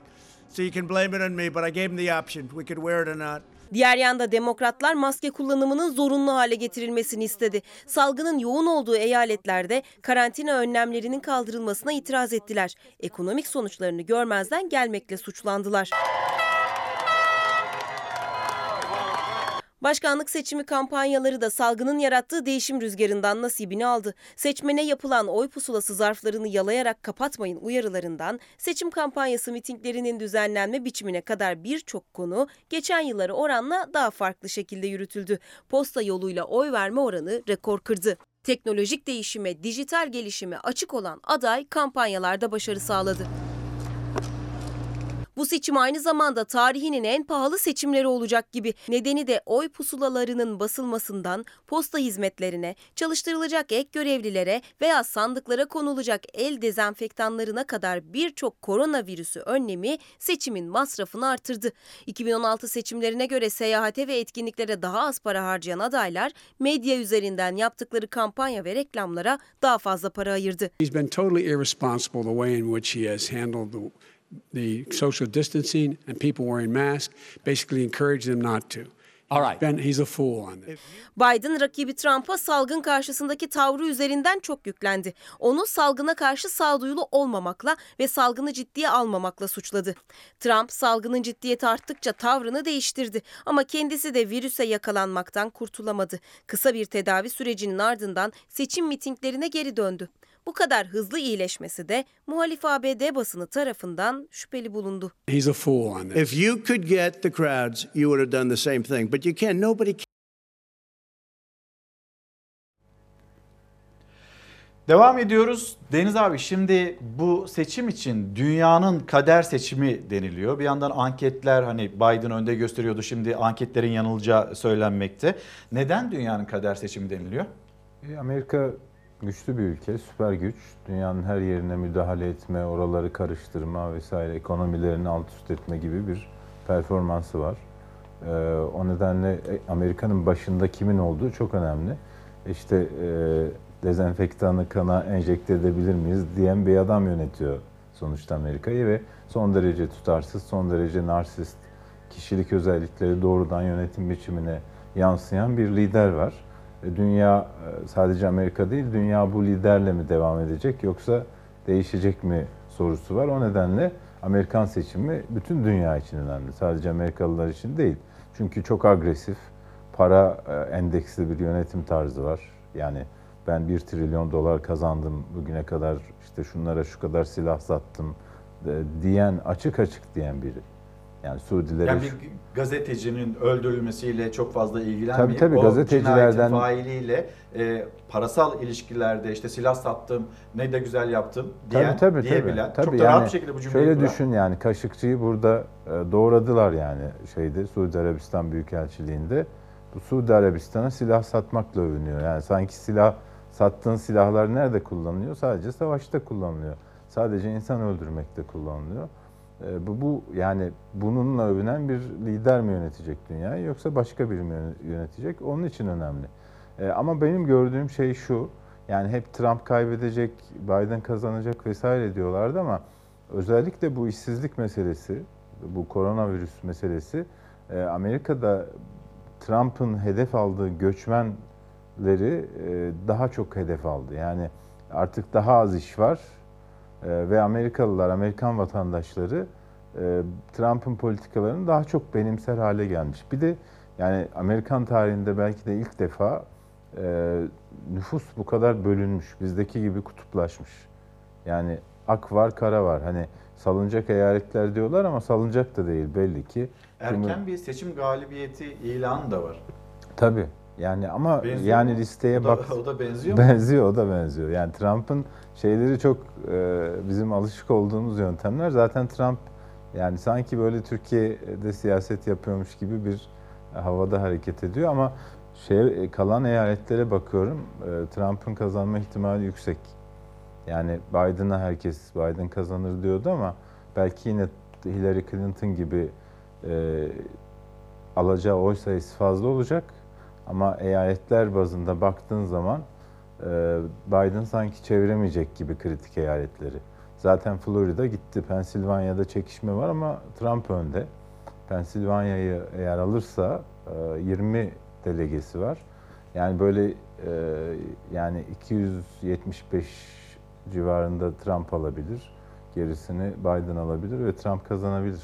Yani Şimdi Türkiye'yi neden bu kadar ilgilendiriyor diye bir tabii tartışma da var. Ee, iki kötü var. O iki kötüden Ya ben bunu anlamıyorum. Yani dediğin gibi iki kötü var, iki kötüden e, kötünün iyisini mi seçeceğiz gibi bir yaklaşım var da yani e, bu adam bizi tehdit etmedi mi? etti. Trump. Mektup geldi. Ha şeyde e, Brunson Suriye'de e, ekonomimizi mahvederim diye bir kere tweet attı. duruyor hala. Suriye'de PKK ile işbirliği yapıp onlarla petrol çıkarıp birlikte satan Trump yönetimi değil mi? Doğru. Yani baktığın zaman yaptıklarının alt alta F-35 programından Türkiye'yi kim çıkardı? Çık- Kim çıkarıyor? S-400 nedeniyle kim tehdit ediyor? Kıbrıs'ta KKTC'yi görmezden gelip sadece Rum kesimini ziyaret ettiren kim? E, baktığın zaman hepsini Trump yapıyor. Onun için ben bizim bizi ilgilendiren kısmında çok bir şeyin değişeceğini zannetmiyorum. Yani Biden gelse daha kötüye gitmez yani. Hani Biden ne yapacak Trump'ın e, hani yapmadığı? Trump tutarsız bir lider. Bir bakıyorsun kanka olmuş Türkiye'deki liderlerle. Bir bakıyorsun Türkiye'nin altına oyacağını açıktan ifade eden birine dönüşmüş. E, nasıl e, yöneteceksin o ilişkiyi? Belki Biden hani devlet adamlığı var. Adam e, 50 yıldır sistemin içinde, Amerikan derin devletinin içinde. Belki devletten devlete ilişkiler daha sağlıklı yürüyecektir. Yani Biden gibi böyle bir iniş, bir çıkış vesaire gibi Ama şey. tercih Biden'dan yana konulmadı. Tabii Türkiye'de. Biden Biden e, gelirse işte Erdoğan iktidarını hani bir, bir açıklaması vardı ya Ocak ayında. Yani muhalefeti destekleyelim, Erdoğan'ı muhalefet seçim yoluyla devirsin vesaire gibi bir takım açıklamaları vardı. E, bunu bunu diyen birini Türkiye niye istesin, Ankara niye istesin? E, dolayısıyla Trump'a daha yakın duruyor Ankara. Ama yani ben de diyorum ki kendimizi kandırmayalım hiç. E, al birini Vur ötekine. Doğru. Öyle bir durum var. E, Bir de piyasaları söyleyeyim mi hemen? Belki ekonomik açıdan Tabii. da değerlendirmek gerekir. E, dün biraz gevşeme vardı dolarda ve euroda. Şu anda e, dolar 8.49 seviyesinde. Euronun da yine yavaş yavaş 10 liraya doğru ilerlediğini görüyoruz. 9 lira 90 kuruş seviyesinde euro. Ee, Bizim bu mesele e, biraz dış dinamikleri aşmış vaziyette. Yani az çok ekonomi bilgisi olan biri e, dış risklerden e, etkilendiğini ama her zaman pozitif ayrıldığını Türkiye'nin görür. Yani dolar bakıyorsun euro karşısında değer kaybediyor ama Türkiye'de lira karşısında değer kazanmaya devam ediyor. Dolayısıyla e, dışarıdaki gelişmelerle evet biraz ilişkilendirilebilir ama bizim sorun başka mevzularda. Yani Merkez Bankası'nın rezervinde, e, swap meselesinde, ondan sonra enflasyonda, faiz oranında vesaire bizim döviz kurlarını biraz onlar artık daha fazla belirliyor. Yani dış dış bağlantılı riskler e, Türkiye'de Türk lirasının değerini e, çok ciddi anlamda belirlemiyor. Onun için ben yani Biden kaybederse, Trump kazanırsa dolar biraz geriler belki ama e, sonrasında tekrar o seyrini devam ettireceğini düşünüyorum. Çünkü bizimki bir borç alacak, ödeme vesaire e, meselesi. Yani bu ülkenin iş adamlarının, yatırımcıların ödemeleri var. E, ve onu dolarla yapmak zorundalar. Dolara talep olduğu müddetçe dolar kuru e, Türk lirası karşısında hep yüksek olur. E, o nedenle de biraz öyle bakmak lazım. Ee, şimdi sen öyle anlattın, öyle tarif ediyorsun ama bakıyoruz böyle TÜİK, TÜİK'in açıkladığı e, rakamlar onlar enflasyonda hani çok da bir problem yok demekte. Hazine ve Maliye Bakanı Berat Albayrak onun cümlelerine baktığımızda tünelin sonunda ışık göründü. Ya dolarla mı maaş alıyorsun? Bazen Dolar ışık mu var? trend olabiliyor. Yani evet onlar da olabiliyor. Şimdi böyle bir kıyaslama da yapılıyor. Siyaset de bunu konuştu dün mecliste. Deniz abi çok teşekkür ederim. teşekkür ABD ederim. seçimiyle ilgili eklemek istediğin son bir cümle varsa onu da alayım. Yani ben e, doğrusunu istersen Biden'ın kazanmasını dilerim. Yani şunun için dilerim. Bu gerçekten hani e, damara enjekt şey dezenfektan enjekte eden diyen bir insanın dünyanın kaderini belirlemesi e, hiç kimsenin lehine değil. Yani Evet. uzun vadede yine insanlık karlı çıkar diye düşünüyorum ama e, öyle görünüyor ki bir 4 sene daha Trump'la devam edeceğiz. Deniz abi teşekkürler. Sözcü gazetesi yazarı Deniz Zeyrek'le konuştuk. Şimdi mesele ekonomiye gelince o zaman biz de bir ekonomiden devam edelim. İktidarın söylediği, muhalefetin söylediği. Sayın Erdoğan, OECD ve IMF ölçeklerine göre iyiyiz diyor. Bugün Türkiye her şeyle, asgari ücretiyle, maaşıyla, her şeyle çok çok ülkeleri geride bırakmış bir Türkiye var ya. Sayın Erdoğan, o iyi durumda olan Türkiye'de bugün asgari ücret aylık 270 dolar. Yani günlük 9 dolar. Yani 3 çocuklu bir aile için kişi başı günlük 2 dolar bile değil. Haydi o meşhur simit hesabını şimdi yap da göreyim bakalım. İyi Parti lideri Meral Akşener Cumhurbaşkanı'na rakamlarla seslendi. Sen farkında değilsin ama birçoğu OECD üyesi olan 46 ülke bu dönemde bizden çok daha iyi durumda. Ve çok daha iyi bir büyüme performansı gösterirken Türkiye ekonomisi hızla 1990'lı yıllara dönüyor. Büyüme oranına bakıyorsun şu anda dünyada en iyi noktada olan bir ülkeyiz. Ama bunlar hesap kitap bilmiyor. Bir yol ayrımındasın Sayın Erdoğan.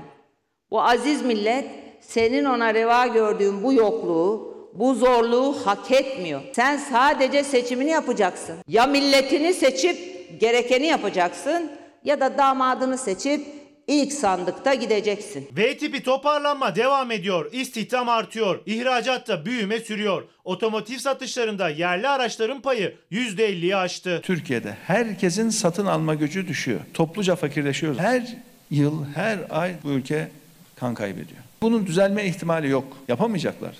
Düzeltemeyecekler. Deva Partisi Genel Başkanı da Akşener gibi bu ekonomi yönetimiyle iktidar varlığını sürdüremez dedi. Muhalefetin bu eleştirilerine henüz yanıt gelmedi.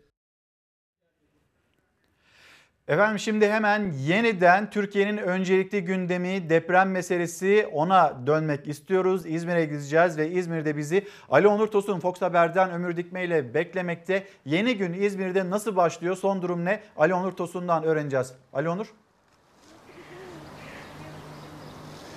Günaydın İlker Karagöz. Yılmaz Erbek apartmanı var arkamda. Biliyorsunuz artık arama kurtarma çalışmaları sona erdi. Enkaz kaldırma çalışmaları devam ediyor. Tabii bu mahalle depremde en çok hasarı gören mahallelerden birisi.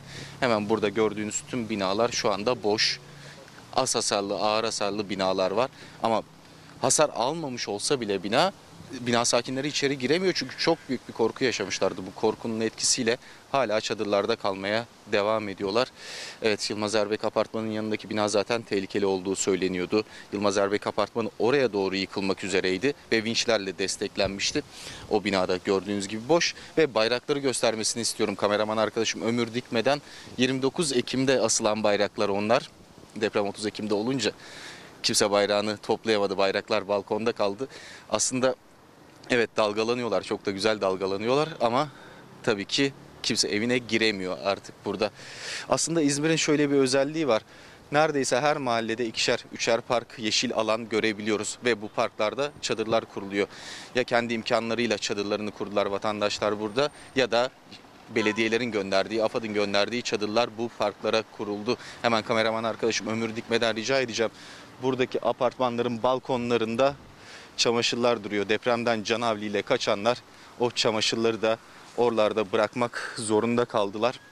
Tabii artık yaralar sarılmaya başlanacak İzmir'de. Bir şekilde hayat normale dönmeye başlayacak ama evlerine giremeyenler var. Evlerine giremeyenler için acil çözümler gerekiyor. Çünkü çadır kış geliyor artık. Çadırda kalmak çok mümkün olmayacak. Çadırların içinde soba yakılamıyor veya bir herhangi bir ısınma olanağı bulunmuyor.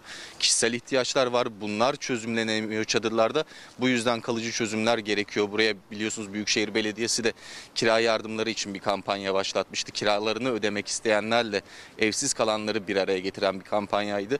Bu kampanyayla belki yine geçici çözümler bulunacak ama burada evleri ağır hasar alanlar ne yapacaklar?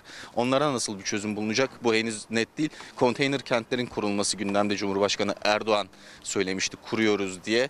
O kentlerin kurulması beklenecek. Evleri yıkılanlar belki oralara yerleştirilecek. Ama şu anda hala kimse evine giremiyor. Tabii bir yandan da taşınma çalışmaları başladı. Hemen burada bir kamyon görüyoruz. Evlerine girebilenler veya buna cesaret edebilenler eşyalarını çıkartıyorlar, kamyonlara yüklüyorlar. Ev bulabildilerse, kiralayabildilerse yeni evlerine taşınıyorlar diyelim ve hemen burada kameraman arkadaşım Ömür Dikme'den rica edeyim. Bahsettiğim yeşil alanlardan birisi, çadırların kurulduğu yeşil alanlardan birisi var hemen ilerimizde.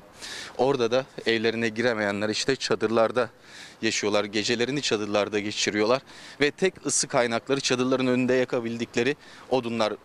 Tenekelerin içinde o odunlar yakılıyor ve bir şekilde ısınılmaya çalışılıyor. Belediyelerin kurduğu yardım çadırları var. Oradan gıdalar dağıtılıyor ama herhangi böyle bir mobil mutfak, sıcak yemek pişebilecek bir mutfak göremediğimiz alanlar var hala. Bu çadırlarda sıcak yemek pişirilmeye çalışsa da çok verimli olmuyor diye tahmin ediyorum ama çadır kentler kuruldu.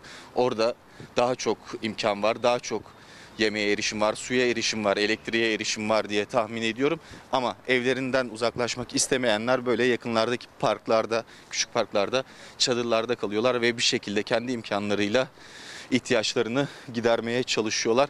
Hemen biraz daha yaklaşalım. Bakın görüyorsunuz sabah kahvaltısı için çay demlenmiş. Kameraman arkadaşım Ömür Dikme gösterebiliyor mu size bilmiyorum ama İzmir Belediyesi'nin, Büyükşehir Belediyesi'nin bir çadırını görüyorum orada. Hemen önünde küçük çadırlar var. Bir şekilde hayat devam ettirilmeye çalışılıyor ama dediğim gibi çok kalıcı çözümler değil bunlar. Geçici çözümler belki 3 gün 4 gün daha bu şekilde idare edilebilecek burada ama sonrasında ne olacak? İşte bu en büyük soru aklımıza takılan en büyük sorulardan birisi bu. Evet evine giremeyen vatandaşlar burada simitlerini almışlar. Bakın görüyorsunuz küçük çadırlar üzerlerine battaniye sererek biraz daha sıcak geçirmeye çalışıyorlar. Geceyi burada bir soba var. Çadırın içinde değil tabi. Dışına kurulabiliyor bu sobalar. Yangın tehlikesinden dolayı. Hemen sol tarafımda odunlar var kameraman arkadaşım Ömür Dikme. Bunları da belediyeler gönderiyor veya yardım etmek isteyenler buraya odunlar gönderiliyor ki gece bir şekilde daha sıcak geçsin burada diye. Ve burada yaşayanlar artık bir çözüm bekliyorlar. Bir şekilde kalıcı bir çözüm. Belki evlerin tam hasar tespiti yapıldıktan sonra evlerinize girebilirsiniz diyecekler ama onlar o korkuyu yaşadıkları için o evlere girebilecekler mi? Veya evlere ağır hasarlı olanlar var. Onlar o evlerde ne yapacaklar? O evler için bir çözüm bulunacak mı? Kentsel dönüşe mi, dönüşmeye mi sokulacak yoksa yine vatandaşın sırtına mı binecek yük? Bunu kimse bilmiyor soru işaretleri var, belirsizlikler var. Ali Onur Tosun Fox Haber'den o anlattı bize ve İzmir yeni güne nasıl başlıyor? Bunun görüntülerini izlediniz. Yani güneşli, açık bir hava olsa da İzmir'de yine de en nihayetinde soğuk olduğunu görüyorsunuz. Sobalar var. Elbette çadırların içine kurulamaz. Çadırlar kurulmuş, üzerlerine battaniyeler atılmış. Belki biraz daha sıcak olur diye. Geçici çözümler bunlar ve bundan sonrası için neler yapılacağını herkes merakla e, beklemekte. Ali Onur Tosun, Ömür Dikme çok teşekkürler. E, şimdi İzmir İzmirliler ne yapacağız sorusunu soruyorlar. Bir yandan e, İzmir'deki ev fiyatlarına ve kira fiyatlarına da hep birlikte bakacağız. Ama bir e, Sabah gazetesi, Sabah gazetesine geçmeden önce Cumhurbaşkanı Erdoğan, Cumhurbaşkanı Erdoğan'ın yapmış olduğu açıklama e, yıkılmış veya yıkılacak binalara ilişkin eşyasını alamayan vatandaşlarımıza hane başına 30 bin lira eşya yardım yapılacak.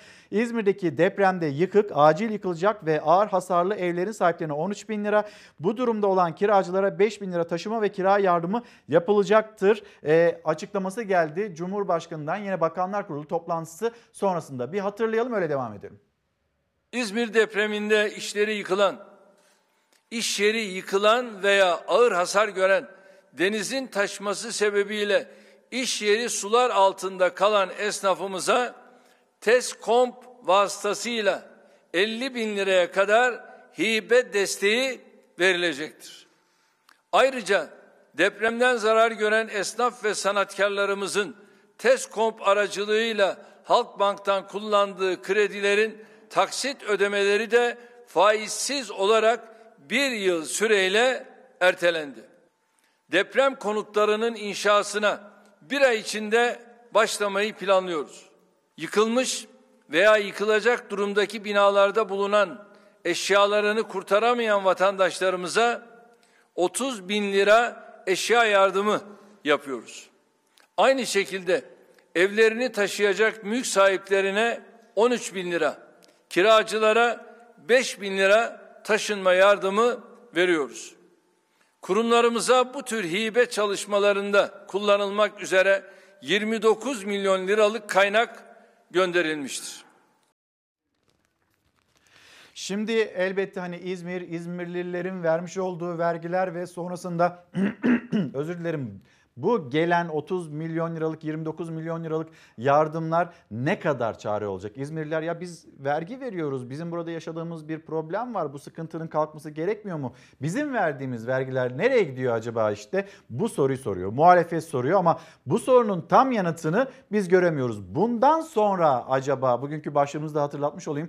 Bundan sonra öğrenir miyiz? Yani deprem vergileri ne kadar? Bunlar bir deprem vergisi olarak başka şekilde mi değerlendiriliyor yoksa genel havuza mı atılıyor? Ya da işte özel iletişim vergisi, burada toplanan vergiler bunlarla ilgili hani bir açıklama yapılacak mı, yapılmayacak mı? Herkesin merak konusu bu. Sabah gazetesi manşeti elbette bugün bütün gazetelerin manşeti Ayda. Ayda gülümsedi, Türkiye ağladı. 3 yaşındaki Ayda depremden 91 saat sonra demir ve beton yığınları arasından alkışlarla sağ çıkartıldı. 83 milyon sevinç gözyaşlarına boğuldu. İzmir depreminin enkazı yeni bir mucizeye sahne oldu. Arama kurtarma ekipleri Rıza Bey apartmanının e, enkazından 3 yaşındaki Ayda Gezgin'i sağ çıkardı. Ayda'nın 91 saat boyunca çamaşır makinesinin arkasındaki daracık yaşam üçgeninde hayatta kaldığı belirlendi. Biz Ayda ile sevindik, annesiyle üzüldük ya da işte Elif'le sevindik, İdil'le sevindik, enkaz altından kurtarılanlarla sevindik ama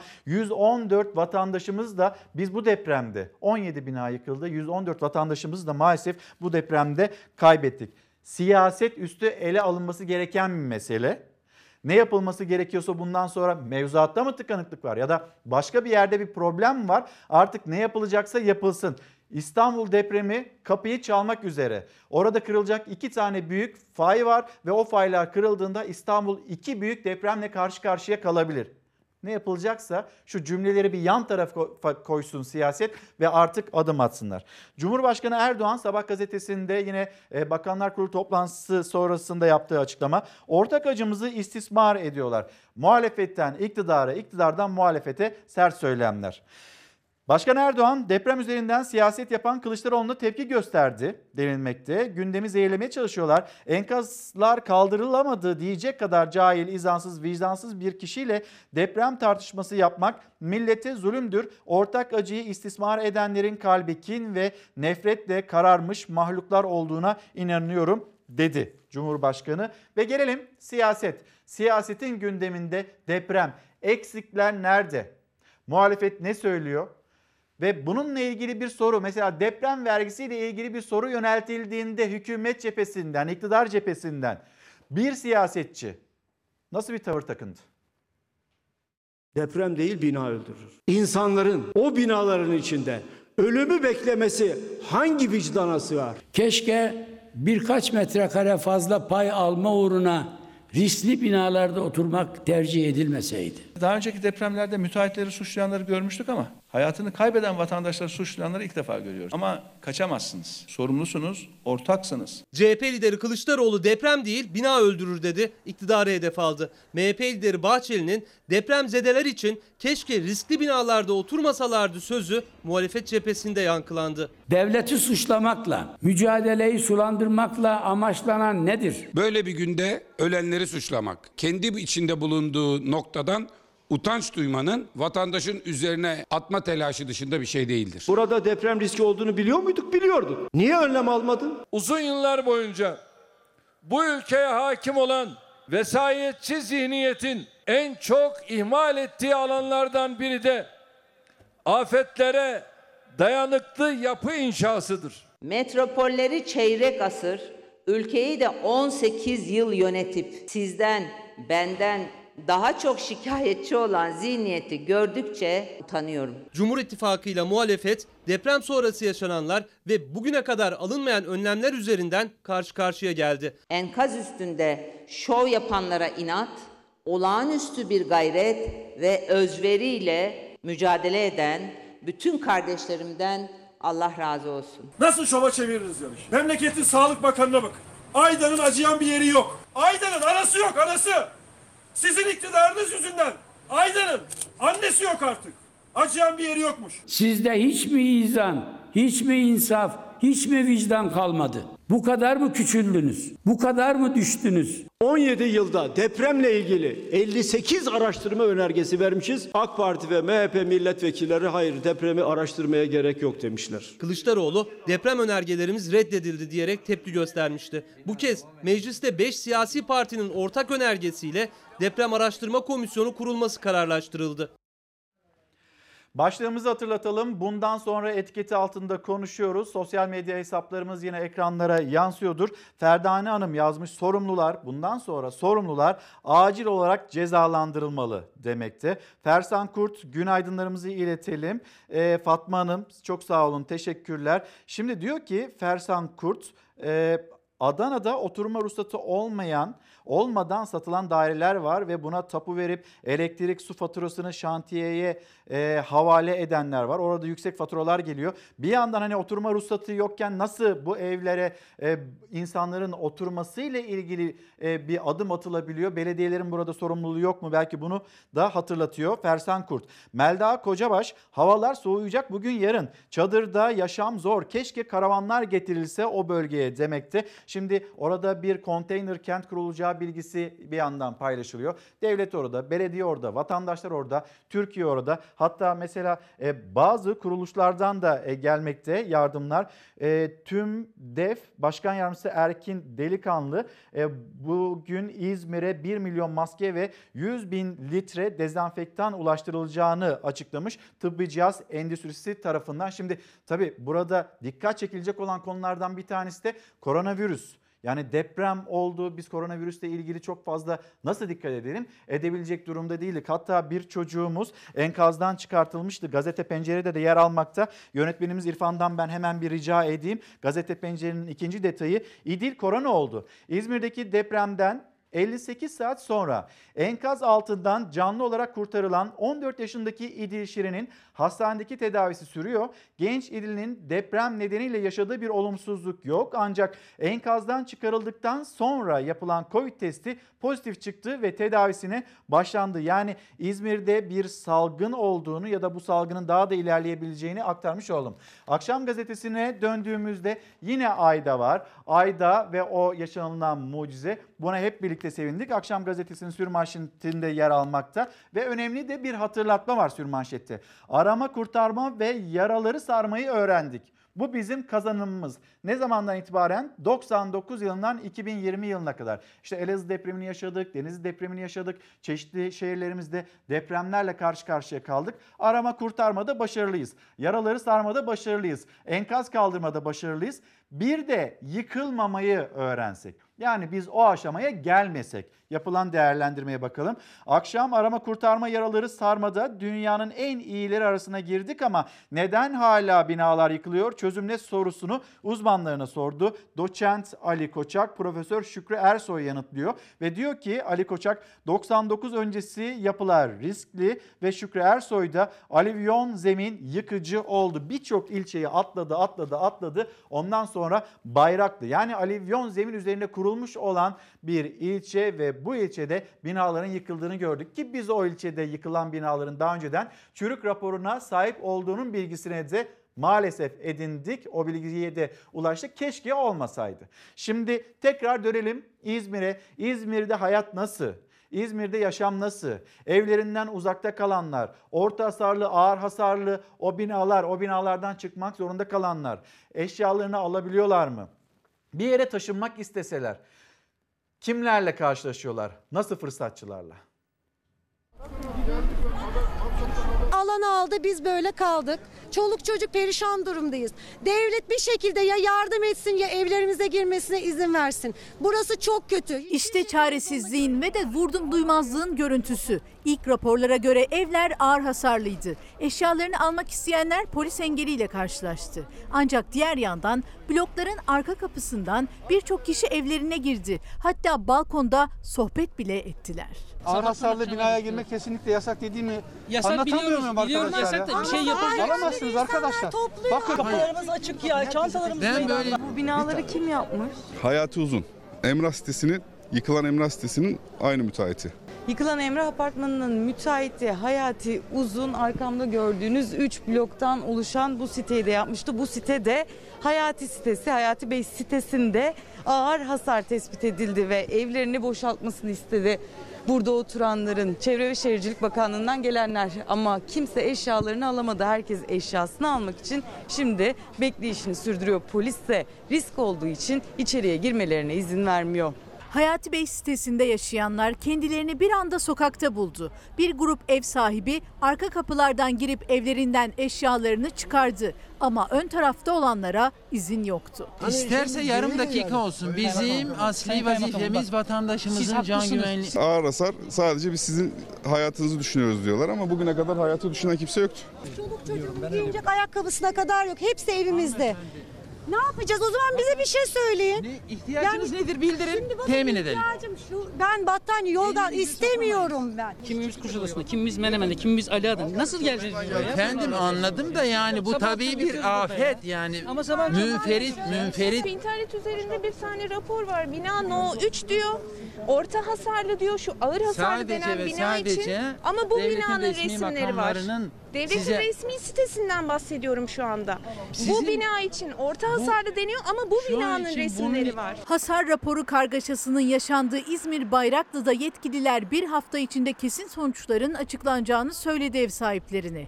Bu arada İzmir'de ev fiyatları depremzedelerin iddiasına göre fahiş oranda arttı. Fiyatları müthiş derecede arttırdılar. Fiyatları. Ev fiyatları hem satılık hem kiralık ev fiyatlarını arttırdılar. 2000 lira olanlar 2500 lira yaptılar. 1000 lira olanlar 1500 lira yaptılar. Burası depremde en çok hasar alan Bayraklı'nın Mansuroğlu mahallesi. Gündüzler kısmen kolay geçiyor çadır kentte ama geceler zor ve soğuk. İşte depremzedeler ısınabilsin diye bu odun yardımları gönderildi buraya. Ama ne kadar daha odunlarla ısınılabilir bunu kimse bilmiyor. Kalıcı bir çözüm bekliyor buradakiler. Çadıra hasta olduğumuzdan dolayı giremiyoruz. Eşim astımlı.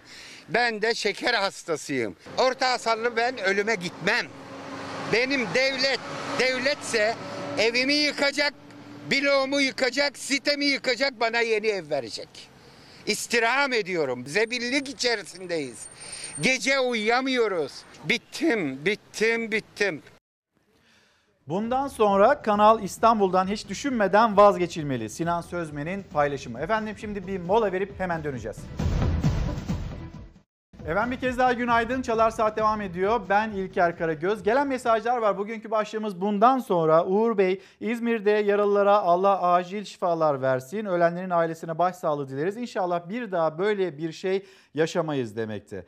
Musa Bey Adana'da müteahhitler iskan almak için direniyorlar demekte. Günaydın. Bundan sonra ne mi olacak? Elazığ'da, Malatya'da ne olduysa aynısı. İki damla gözyaşı. Başka bir deprem olup insanlar ölene kadar, yaşamlarını yitirene kadar her şey unutulacak demekte Peri Hanım.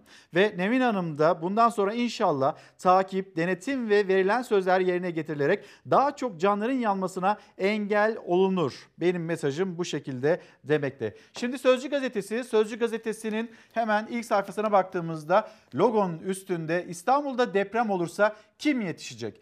Türkiye tek yürek olup İzmir'in yardımına koştu. Büyük bir deprem bekleyen İstanbul'daysa nüfus ve bina yoğunluğu İzmir'in 3-4 katı. Uzmanlar endişeli. Profesör Naci Görür, elbette İstanbul için geç kaldık. Hem halk hem yönetimler depremi unuttu. Örneğin yollarda acil durum şeritleri ayırdık, otopark oldu. Profesör Ahmet Ercan, İstanbul'da yapı altında kalacak kişi sayısı fazla olacaktır. 18 milyon nasıl kurtarılır? İstanbul'daki ekipler başının çaresine bakacaklar, bakmak zorundalar. Böyle bir açıklama Övgün Ahmet Ercan'dan. Sözcü gazetesi manşetini görüyorsunuz 91 saat sonra Ayda bebeğimiz. Ve yine Milliyet gazetesi. Milliyet gazetesinin e, manşeti Ayda umudun yüzü oldu. Şimdi isterseniz bir düne gidelim ve dün o kurtarma anında neler yaşandı ve Ayda bebek 91 saat sonra o sıkıştığı yerden, o yaşam üçgeninden nasıl çıkartıldı? Bir tanem tut elimi bakayım bir daha tutmuştun ya. Aferin sana. Ya arkadaşlar çalışamıyoruz ki. Aferin benim güzelime. Ben senin yanındayım ayrılmayacağım tamam mı? Şimdi kırın çıkartın. Dostum elini yüzüne tut yüzüne tut. Oturmuş oraya kıyamam. Ayran ve su istiyor. Kıyamam ya. Hemen ayranla suyunu hazır edin. Bedenlerini siper ederek, elini tutarak, öpüp cesaret vererek, tırnaklarıyla kazıya kazıya, elleriyle o kuma dönmüş betonları toplaya toplaya küçücük bir boşluktan küçücük bir beden çıkardılar. Aydan'ın kurtarılma anları, sedye üzerinde olan bitene anlam arayan bakışları, hafızalardan ve yüreklerden silinmemesi gereken anlardı. Durumun nasıl? İyi. Kaça okula gidiyor musun? Okula gidiyor musun? Kaça gidiyorsun? Orada bir ses duyduk. Sesi e, se- sesi dinlediğimiz zaman çamaşır markesinin ar- arkasında kızımızı gördük. İlk gören arkadaşımız Atıl'dır. Çok masumdu, çok güzeldi. Evladımızdı, canımızdı. Ben buradayım dedi. Elinde de buzdolabı süsü vardı. Onunla oynuyordu yani. 91 saat üzerindeki tonlarca ağırlık ve karanlıkta aç susuz elindeki buzdolabı süsüne tutunan Ayda tüm o kalabalık arasında sesini duyurdu önce. Ben buradayım dedi. Hemen anonslar yapıldı enkaz alanında sessizlik için. Arkadaşlar sessizliği. Minik parmakları göründü sonra sımsıkı tuttular. Küçücük elini hiç bırakmadan ince ince çalışmaya başladılar. Dakikalarca ufak bir delikten bir hayat boşluğu açabilmek için elleriyle kaldırdılar tüm beton tozlarını. Kovalara doldurdular. Boş kovaları gönder. Boş kovaları Boş kovaları ver. Boş kovaları ver. Çok dar bir alandı. Ayakları e, toprağa doğru gömül, gömüldükçe ellerimizle atılan birlikte yavaş yavaş ayaklarını takip ederek bulduk. O boşluğa bir AFAD görevlisi girdi. Bedenini siper etti. Aydın'ın elini tuttu. Öptü. Yüzünü okşadı. Başını da öptü. Dur dur dur abi çekil. İşte evladımı öptüm ben.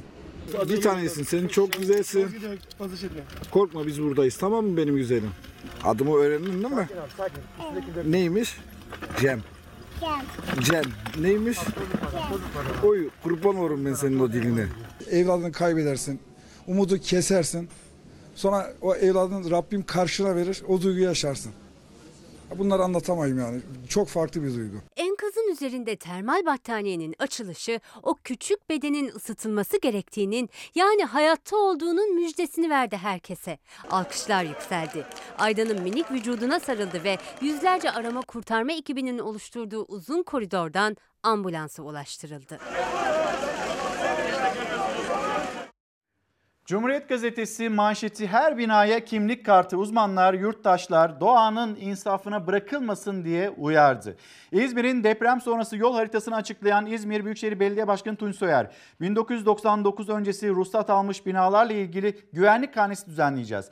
Daha sonra kentsel dönüşüm başlayacak. Merkezi yönetimden kaynak alamazsak bile biz bu sorunu çözeceğiz dedi ki az önce Çalar Saat'te misafirimizdi, konuğumuzdu. Bir yandan hani bir dayanışma kampanyası var onu hatırlattı. Diğer yandan da artık bu binaların çürük mü değil mi, dayanıklı mı ve bir deprem, bir sarsıntı olduğunda nasıl bir sonuç ortaya çıkacak bunu bilmemiz lazım. Aslında çok geç kaldık. Uzmanlar onu söylüyor.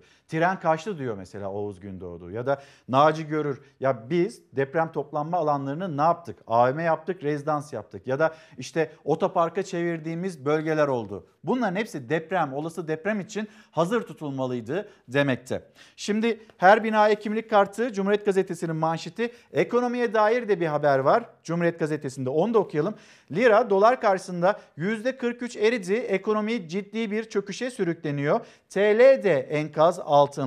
Başarısız ekonomi yönetimine Merkez Bankası'nın beklentileri karşılamayan adımları ve jeopolitik risklerin eklenmesi Türk lirasında ciddi bir erimeye yol açtı. Uçuşa geçen dolar 8.50, avro 10, sterlin 11 lirayı aştı. Gram altın 520 lirayı, Cumhuriyet altını 3500 lirayı aştı. Geçen ay tüketici fiyatları özellikle gıda ve giyimin etkisiyle %2.13 arttı. Şimdi ben yönetmenimizden de bir rica edeyim. İrfan enflasyon rakamları, dolar, dolarla e, karşısında bizim Türk liramız ne kadar eridi? Bir yandan da enflasyon rakamları hemen onu da e, sizlerle paylaşmış olalım. TÜİK'in Ekim ayı enflasyon verileri ekonomideki sorunların dolardaki artışın fiyatlara daha çok yansıdığını, özellikle emekçilerin alım gücünün, alım gücünün daha da düşeceğini ortaya koyuyor ve henüz en kötüsünün yaşanmadığı yönde bir takım değerlendirmeler var. Bunlar elbette iyi değerlendirmeler değil ekonomimiz açısından. Yani deprem, deprem gündemini konuşuyoruz. Depremle birlikte ekonomiyi de konuşmamız lazım. Koronavirüsü konuşmamız lazım. Gözümüz bir yandan ABD'deki e, başkanlık seçiminde Trump bir açıklama yapıyor. Biden bir açıklama yapıyor. Bugün bir resmi açıklama ya da kazanan açıklanmasa bile belki de o eyaletlerden gelecek olan sonuçlara göre resmi olmayan sonuçlar yine bu dakikalar içinde ortaya çıkabilir. Şimdi e, dilerseniz şimdi Ayda, Ayda'nın e, enkazdan çıkarılmasıyla biz çok mutlu olduk. Bir de can dostlarımız var. Onlar da o enkazdan kurtarıldılar. Gel gel pisi pisi pisi pisi. Ben çekerken huyları. Gel gel gel. Aslan kızım benim. Aferin kızım benim. Bir nefes, bir ses. O yaşam işaretini duydukları an hiç ayrım yapmadan yardıma koştular. Onlarca kişiyi enkazdan sağ çıkarıp hayata bağlayan ekipler can dostlarında kurtarıcısı oldu. Ve onların da en büyük yardımcısı yine köpeklerdi. O yoğun saatler sonrasında böyle dinlendiler. Çek çek çek abi çek çek. Kediler, köpekler, kuşlar ve dahası sahipleriyle beraber aynı kaderle baş başa kaldılar.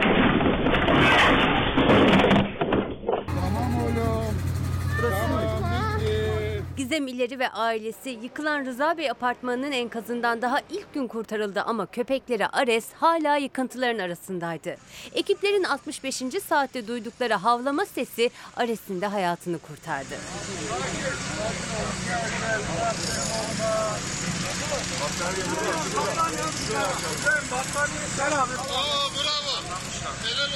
Ares battaniyeye sarıldı önce, serum takılarak veterinere götürüldü.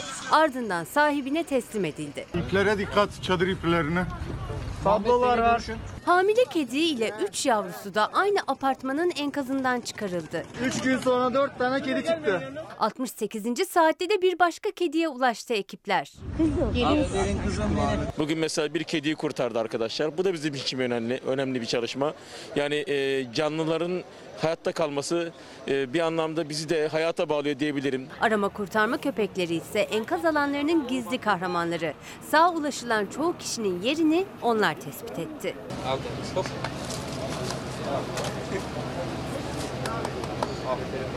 Vurduğu zaman falan sıkıntı olmuyor ama baygın düşüyor, bayılıyor ondan sonra kendinde olmuyor. Ama nefes almaya devam ettiği takdirde koku çıkışı da varsa bir yerden işte bu ıslak burunlar onları buluyorlar. Enkazların gizli kahramanları onlar. Bir yandan onlar bir nefese, bir soluğa ulaşmaya çalıştı. Diğer yandan arama kurtarma çalışmaları devam ederken bir kedinin, bir kediciğin görüntüsünü de gösterdik enkazdan nasıl kurtarıldığını. Şimdi Bakanlar Kurulu toplantısı sonrasında e, lokanta, restoran, pastane, tiyatro, konser salonu benzeri tüm iş yerleri 22'de kapanacak e, açıklaması geldi. Bununla ilgili Karar Gazetesi hemen bir Karar Gazetesi'ni de sizlere göstereyim. E, zaten oraları kapalı nasıl oluyor da e, bir de bu e, yerlere kapalı olan yerlere böyle bir önlem getiriliyor denilmekte. Kapalı iş yerlerine kapanma talimatı olarak gördüğü böyle değerlendirdi Karar Gazetesi. Vaka tablosunda endişe yaratan artış sürerken yeni önlemler devreye girdi. Cumhurbaşkanı Erdoğan hem özel sektör hem kamuda esnek mesainin teşvik edileceğini söyledi. Restoran, pastane, berber, düğün salonu, yüzme havuzu, internet kafe, halı saha ile tiyatro ve konser salonlarında hizmetler 22'de sona erecek dedi. Ancak yasak getirilen iş yerlerinin birçoğunun hali hazırda 22'den önce kapanıyor olması da dikkat çekti. Yani salgınla bu şekilde mücadele etmek ne kadar mümkün. Gelelim bir tabloya bakalım. Dünün tablosuna 146.247 test yapıldı. Bu aslında biz bilmiyoruz. Vaka sayısını bilmiyoruz. Hastanelerde tedavi olanların sayısını biliyoruz. 146.000 test yapıldıysa bunu oranladığımızda özür dilerim 14.600 civarında günlük vaka olduğu tahmin ediliyor. Tahmini tablo da bu şekilde ortaya çıkıyor. Hastanelerde tedavi görenlerin sayısı 2343, vefat edenlerin sayısı 79, iyileşen hasta sayısı 1817. Şimdi Sağlık Bakanı İzmir, İzmir'de herkes dikkatli olsun derken bir İstanbul e, uyarısı var. Onu da aktarmamız gerekiyor. Yani Sağlık Bakanı Fahrettin Koca toplumda bu virüsün çok yaygınlaştığını söylüyor. Diğer tarafıyla İstanbul için acil önlemler alınması gerekliliğini belki de ima ediyor. Yolculuk İstanbul'a mı? Yola çıkmadan sağlık durumunuzu 7 gün izleyin. Ateş, kuru öksürük, yorgunluk, boğaz ağrısı, tat veya koku duyusu kaybı, solunum güçlüğü ve buna benzer şikayetleriniz varsa seyahati erteleyin. Bir sağlık kuruluşuna müracaat edin demekte. Diyor ki Sağlık Bakanı, İstanbul'a mümkünse gelmeyin ya da gelecekseniz mecbursanız kendinizi bir dinleyin. Sonra İstanbul'daysanız ayrılmayın. Yani İstanbul'daysanız başka yere gitmeyin. Bu virüs zaten orada çok yaygın. Başka yere götürürsünüz. Türkiye'deki vakaların %40'ı yaşadığınız şehirde. Semptomsuz bir taşıyıcı, tespit edilmemiş bir temasla olabilirsiniz. Seyahatiniz çok gerekli değilse erteleyin. Devam ediyor. İstanbul'a dönen büyüklerinizi bir süre ziyaret etmeyin. Kışı daha rahat şartlarda geçirmek için şehre gelen çoğunluğu ileri yaşlardaki nüfusu bazı riskler bekliyor. Vakaların %40'ı burada. Yüz yüze ziyaret sakıncalı. Lütfen büyüklerinizin ihtiyaçlarını telefonla öğrenin. Yani İstanbul'a gitmeyin diyor Sağlık Bakanı çok net. İstanbul'daysanız dışarı gitmeyin, dışarıya çıkmayın ve büyüklerinizi ziyaret etmeyin, telefon edin. Bu arada Bursa'da da yine önlemler alındığını, 65 yaş üstü için önlemler alındığını hatırlatalım ve Türkiye'nin koronavirüs durumu. Salgında vaka sayıları artıyor, durum giderek daha da ciddileşiyor. Cumhurbaşkanı Recep Tayyip Erdoğan yeni önlemleri açıkladı. Özel sektör ve kamuda esnek mesai uygulaması teşvik edilecektir. Pazar yeri ve market gibi yoğun insan hareketliliğinin olduğu yerlerdeki denetimler artırılacaktır. Önlemlerin içinde en dikkat çekeni paket servis hariç olmak üzere lokanta, restoran, berber, kuaför, nikah düğün salonu, yüzme havuzu, hamam, kaplıca, sauna, internet kafe, halı saha, tiyatro, sinema, konser salonu ve benzeri tüm iş yerlerinde hizmetler saat 22'de sona erecek. Vatandaşlarımızdan kalabalık ortamlardan kaçınmalarını, ev ziyaretlerini dahi mecbur olmadıkça yapmamalarını özellikle rica ediyorum. Cumhurbaşkanı Erdoğan yerli aşının bahar aylarında yapılmasını planladıklarını da söyledi. Önlemler birden artırıldı çünkü rakamlar yüksek. Bugün tespit edilen 2343 yeni hastamız var. Ağır hasta sayımız artmaya devam ediyor. Salgının seyrini değiştirebilecek en önemli gücümüz tedbirlere uymak. Birlikte tedbirlere uyarsak virüsün yayılmasına fırsat vermemiş oluruz. Mücadeleye güç verin. Son 24 saatte 146.247 test yapıldı. 2343 vaka var. Toplam vefat sayımız 10.481'i buldu. Sağlık Bakanı Fahrettin Koca sosyal medya hesabından testi pozitif çıkanlara seslendi. Covid-19 testiniz pozitif çıktıysa belirtilerin başlangıcından 2 gün öncesine dek kimlerle temasınız olduysa onlara bilgi verin. Kendilerini takip etsinler. Filyasyon ekiplerimize temaslı listesi verirken kimseyi atlamayın. Ne kadar dikkatli olursanız yayılımı o kadar azaltırız. Vakaların en yoğun olduğu İstanbul'da denetimler hızla sürüyor. Manzara maalesef öncekilerden farklı değil. Hatay'ın Samandağ ilçesinde de bazı evler yeni tip koronavirüs tedbirleri kapsamında karantinaya alındı.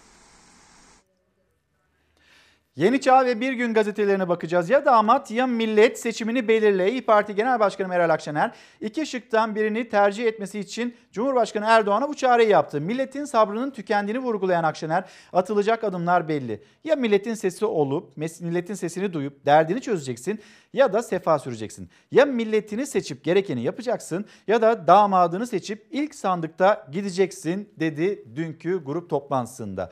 Uyarılar yapıldı, önlemler alınmadı. CHP lideri Kemal Kılıçdaroğlu yine e, grup kürsüsünde konuştu. İktidarın bilim insanlarının deprem konusundaki uyarılarına kulak tıkadığına dikkat çekti. Yeni Çağ gazetesine baktık. Gelelim Bir Gün gazetesi. İktidar ülkeden koptu halktan uzak kendi gündeminde yaşıyor. Ülke deprem, pandemi, ekonomik krize uğraşırken iktidarın derdi üye sayısı. Tek yaptıkları televizyonda nutuk çekmek. Türkiye tam anlamıyla sallanıyor. Sadece Ege'deki deprem ve artçılarıyla değil, ekonomik krizi, salgını, uluslararası alanda yapayalnız bir ülke olmasıyla da güçlü bir sarsıntı içinde. İktidar tüm bu sorunlar bu ülkede yaşanmıyormuş gibi partisinin kongresiyle, üye sayısıyla uğraşıyor. Televizyonlarda bunları anlatıyor. Sorunları yok sayarak, gündemden kaçırarak ülkeyi yönetmeye çalışıyor. Yüksek güvenlikli konutlarda oturup lüks araçlarla gezen, kamu olanaklarıyla zenginleşen AKP'liler memleketin gerçeğinden uzak. Erdoğan'ın eve ekmek götüremeyen mi var veya Bahçeli'nin keşke riskli binalarda oturmayı tercih etmeseler de sözleri durumu özetliyor. Halk devasa sorunlarla baş başa kalmış durumda. Ya kaçınılmaz sonu sessizce yaşayacak ya da kendi çözümünü bulacak. Bir gün gazetesinin manşeti bu şekilde. Şimdi gelelim bir yandan da e, işçilerin bir emek arayışı var. Bir mücadelesi var. O da bir torba yasa çıktı. Torba yasada 25 yaş altı, 50 yaş üstü onlarla ilgili esnek bir çalışma gündeme gelecek. Esnek çalışma olduğunda kıdem tazminatı hakkı olmayacak. Emeklilik hakkı olmayacak. İhbar tazminatı hakkı olmayacak ve bütün sendikalar Türk İş, abi sendika, DİSK, HAK İş onlar da hepsi yan yana ve ortak bir açıklama yaptılar. Diyorlar ki kıdemime dokunma. Kölelik yasası mecliste işçiler ayakta. Milyonlarca işçiyi kıdem tazminatı, emeklilik ve iş güvencesi hakkından mahrum bırakacak torba yasa teklifi Meclis Genel Kurulu'nda görüşülmeye başlandı. Üç büyük işçi konfederasyonu ortak açıklama yaparak teklifin geri çekilmesini istedi. Disk üyesi işçiler dün kıdem tazminatı, emeklilik ve sosyal güvence haklarını hedef alan torba yasa teklifine karşı yurdun dört bir yanında alanlardaydı. Ve dün bu konu bu başlık sosyal medyanın akşam saatlerinde bir numaralı gündem maddesiydi. Yani işçiler şunu söylüyor. Kıdemime dokunma. 51 maddelik kanun etrafta şeker yapılandırma süre uzatımı içeride zehir kıdem tazminatını el atma. 25 yaşından aşağıya 50 yaşından yukarı işçilerin kıdem tazminatını yok, yok etmek için yola çıktık. KYK borçlarını erteleyelim. Ne kadar KYK borcu var öğrenciler? 5 milyar lira. Kalyon inşaata 9,5 milyar lira verdiğiniz vergi indirimin yarısı kadar silseniz ne olur? İstihdam paketini de içeren torba yasaya muhalefetin tepkisi. 51 maddelik teklifte en çok da 25 yaş altı ve 50 yaş üstüne getirilen geçici çalışma maddesi eleştiriliyor. Disk, Hak İş ve Türk İş'te ortak açıklamayla iktidara seslendi düzenleme geri çekilsin dedi. Ve bugün siyasi iktidar 25 yaş altındaki genç işçilerin ve 50 yaş üstündeki ileri yaştaki işçilerin kıdem tazminatı hakkını ortadan kaldırmak için geçici işçiliği yasallaştırmaya çalışıyor. İstihdam paketine tüm işçi konfederasyonları karşı. Çünkü düzenlemeye göre 25 yaş altı ve 50 yaş üstü işçiler kısmi çalıştırılabilecek. Yani 3 işçisi olan bir işverene işçilerini 10'ar gün çalıştırma hakkı tanınıyor maaşları da primleri de çalıştıkları gün kadar yatacak. Belirli süreli iş sözleşmesi geçici işçiliktir. Belirli süreli iş sözleşmesinde kıdem tazminatı olmaz. İhbar tazminatı olmaz. Emeklilik hakkı olmaz. Düzenlemeye göre 10 günden az çalıştırılan işçinin emeklilik primi de yatmayacak. Yani çalıştığı gün emekliliğine sayılmayacak. Türk İş, Hak İş ve Disk ortak ses yükseltiyor. Geçici işçilik kazanılmış hakların elden alınmasıdır diyor. Bu teklif çalışanların işsizlik, malüllük, yaşlılık, ölüm, iş kazası, meslek hastalığı ve analık gibi hayati öneme sahip haklardan yararlanmasını ortadan kaldıracaktır. Her üç gençten birinin işsiz olduğu bir ülkede ülkeyi yöneten siyasi iktidarı yapması gereken gençlerimize iş olanağı sağlamak, gençlerimizi güvencesiz çalıştırmanın, kölece çalıştırmanın pençesine atmaya çalışıyorlar. Bu parlamentoda danışmanlar kıdem tazminatsız iş güvencesiz çalışırken bu ayıbı ortadan kaldırmak boynumuzun borcuyken 50 yaşından büyüklerle 25 yaşından küçük herkesi bu cenderenin içine sokmak istiyorlar. Muhalefetin tepkisine rağmen iktidar düzenlemenin arkasında. Disk de geri çekilmezse Türkiye Büyük Millet Meclisi önünde eylem yapacaklarını ilan etti. Efendim bir zam haberi var. Hem yumurta ile ilgili konuşacağız hem de yılbaşından sonra vergiler, harçlar ya da cezalarla ilgili bir yeniden değerleme oranı ortaya çıktı. Ne kadar zamlanacak onun bilgisini paylaşacağız. Abdülkadir e, Karataca diyor ki bundan sonra %47'si asgari ücretle çalışan güzel memleketimin güzel insanları ne yapacak? Gıda fiyatları 2 ile çarpıldı demekte ama TÜİK'in rakamlarına bakıyoruz öyle bir sonuç ortaya çıkmıyor. İşte vatandaş bunu söylüyor. TÜİK'in anlattığı ya da söylediği enflasyon rakamına baktığımızda %11.89 olarak çıkıyor karşımıza. Yani geçen sene aldığımız 100 lirayla aldığımıza bakıyoruz. Bu sene 100 lirayla hiçbir şey alamayabildiğimize bakıyoruz. Ortada garip bir durum var ama vatandaş en nihayetinde kendi cebine bakıyor. Doktor Aysel Yavuz bundan sonra depremde kurtulanlar ve onları kurtarmak için çabalayanlar mutlaka Covid-19 için ciddi şekilde değerlendirmeliler demekte. Ee, başımızın çaresine mi bakacağız bir deprem olduğunda? Nerede bu devlet diyen ve buna itiraz eden bir izleyicimiz. Sevgili İlker bundan sonra herkes yaşamına devam edecek. Unutulacak bir sonraki felakete kadar emekliler enkaz altında. Bunu da gündemde tutun diyen izleyicimiz Gülay Göktuman. Osman Soner, Osman Bey günaydınlar. Bundan sonra Yalan yanlış haber yapmayın demelisiniz. Berberler açık, halı sahalar açık, sinemalar açık bilginize. Şöyle diyelim o zaman Osman Bey belki siz haberi kaçırdınız, belki biz tarif edemedik ya da dinlemediniz e, o kadarına e, erişebildiniz. Berberler açık, sinemalar açık, söylediğiniz hepsi, söylediğiniz yerlerin hepsi açık. 22'ye kadar. Zaten yeni düzenleme, yeni kısıtlama bu. Yani ortadaki durumu aktarıyoruz. Herhangi bir e, farklı şekilde gösterme çabamız yok. Ama Sağlık Bakanı Fahrettin Koca'nın İstanbul uyarılarını da inşallah dinlemişsinizdir. İstanbul için ne kadar ciddi bir kırmızı alarm demeden alarm seviyesinde olduğumuzu da inşallah anlamışsınızdır. Gelelim ekonomi. Ekonomideki zamla ilgili haber yumurta zammı. Yumurtaya bir yılda %55 zam geldi. Çarşı pazarda fiyatlar el yakarken TÜİK enflasyonunu %11.89 olarak açıkladı. Tüketici fiyat endeksi bir önceki aya göre %2.13 arttı. Enflasyonda yılbaşından bu yana en yüksek aylık artış yaşandı.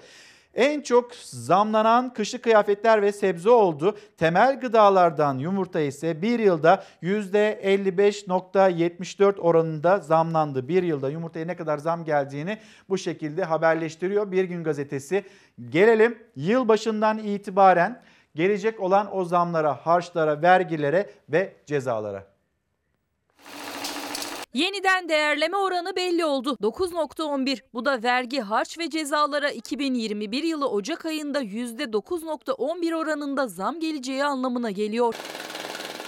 Vergi usul kanununa göre her yıl Ekim ayında 12 aylık ortalamayla üretici fiyat artışına göre belirleniyor yeniden değerleme oranı. TÜİK verileri uyarınca bu yıl oran %9.11 oldu. Gazete Duvar'ın haberine göre %9.11'lik oranla 2021 yılında 6 aylık pasaport harcı 227 lira, 3 yıllık pasaport harcı 770 lira, 4 yıl ve üzeri pasaportların harç bedeli 1085 lira olacak. Ehliyet harçları A sınıfı için 271 liraya, B sınıfı için 820 liraya çıkacak. Kırmızı ışıkta geçmenin cezası 314 lira, hız sınırını %50'den fazla aşmanın cezası 1340 lira, ehliyetsiz araç kullanmanın cezası ise 2698 lira olacak. Yolcu beraberinde yurt dışından getirilen cep telefonları içinse 1839 lira yerine 2006 lira harç ödenecek. Milli Gazete'nin manşetinden bir de bakalım vatandaşın durumu nedir?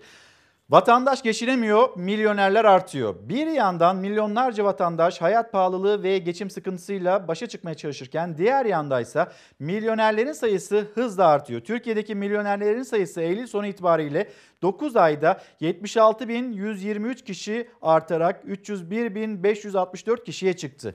Milyonerlerin toplam mevduatı 1 trilyon 958 milyar 817 milyon liraya ulaşırken milyoner başına düşen ortalama mevduat 6 milyon e, 496 bin lira oldu. Bir yandan enflasyonu hatırlatıyor, diğer yandan vatandaşın geçinemediğini ama işte milyoner sayısının da arttığını söylüyor. Milyoner sayısına öyle çok fazla takılmamak gerekiyor. Eğer mevduatınız dolardaysa zaten bir yıl içinde %45 seviyesinde bir karlılık yakalamış durumda o mevduatı olanlar, yüklü miktarda mevduatı olanlar. Ama vatandaş, vatandaşa şu söyleniyor. Hayır öyle çok da bir zam yok. Hayır enflasyon enflasyon rakamları çok da yukarıda değil. Geçinebilirsiniz deniliyor. 2324 lirayla. Asgari ücrette geçinemiyorum diyen milyonlar var bu ülkede. Diğer tarafıyla emekliler biz geçinemiyoruz diyorlar. Seslerini duyurmaya çalışıyorlar. Memleketin gerçek meseleleri, ekonomi, işsizlik hiç çalışmayanlar var. Kendisini nasıl Türkiye'de vaka olarak saydıramayanlar varsa diğer tarafıyla da işsiz olarak saydıramayanlar var. Rakamlar belki ülkeyi yönetenlere pembe bir sonucu işaret ediyor olabilir. Ama yaşayanlar öyle hissetmediği takdirde e, net olarak şunu söylemek gerekiyor. Bu ortaya çıkan tablolar bizi tarif etmiyor. Ve vatandaş vergisini ödemeye devam ediyor. Vergisini veriyor. Devletin, devletin yapacağı hizmetler için o vergisini veriyor. Ve soruyor vergimin karşılığı nedir? Deprem vergisi ödedim ben. Benim deprem vergim nereye gitti, nereye kullanıldı? Vatandaştan parayı topluyorsun deprem vergisi diye topluyorsun. Sonra alıyorsun o vergiyi götürüyorsun başka yerde kullanıyorsun. Toplanan para 35 milyar dolar. Devlet bütçesinde vergilerin hepsi bir havuza akar. O havuzdan da harcanır.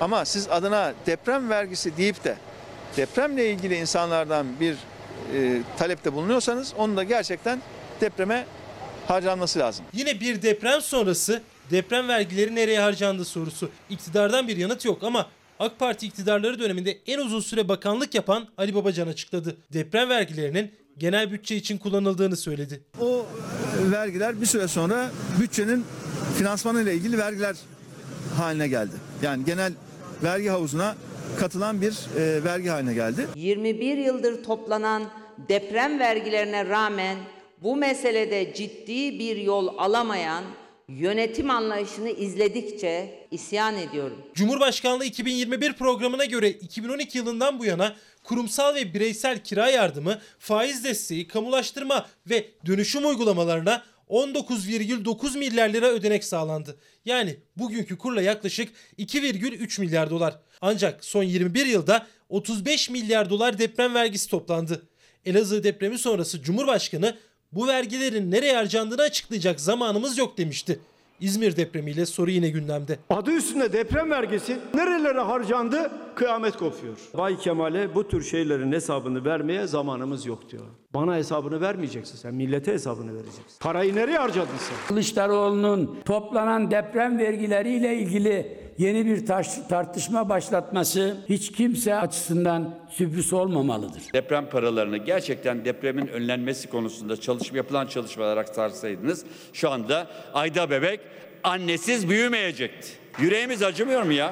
İmar affıyla kaçak yapıların önünü açan, dere yataklarına bina yapılmasına izin veren yine bu iktidardır. Muhalefet deprem vergileri neden depreme dayanıklı yapılar oluşturulması için harcanmadı derken 2018 yılındaki imar affını da hatırlatıyor. İmar barışı adı altında çürük binaları yasallaştıranlara isyan ediyorum. Amcalarım, ninelerim, teyzelerim, kardeşlerim devletten size müjde. İmar barışı geldi. Hasan Bey. Güzel müjdeli haber. Nedir bu imar barışı? Devletten vatandaşa uzatılan şefkat eli. Geçmişte kayıtsızca yapılan yapılar kayıt altına alınıyor. İmar affı kamu spotuyla böyle tanıtılmıştı. 10 milyonun üzerinde kişi yararlandı imar affından. Devletin kasasına 24 milyar liranın üzerinde para girdi. İzmir'de yıkılan bazı binaların da imar affından yararlandıkları iddiası var. İmar barışı adı altında ruhsatsız binaların dahi kamu bütçe açıklarını kapatmak için af kapsamına alınmasının zararlarını görüyoruz. Evimizin altını iş yerine çevirmişti. O da bu barışa dahil mi? Onunla da barışılıyor. İmar affı uygulaması 24 milyar lira para. Nerede bu para bilmiyoruz. Bu konuda hem imar affını gündeme getirdi muhalefet. Yetişmemiz. Toplantımız var mı? Toplantımız var. AK Parti Grup Başkan Vekiline de sorulacaktı. İmar affı ve deprem vergilerine dair muhalefetin eleştirileri. Cahit Özkan acelem var dedi gitti. Efendim bugün için noktalıyoruz. Yarın saatler 8'i gösterdiğinde bizler yine burada olacağız. Hoşçakalın. İyi bir gün olsun.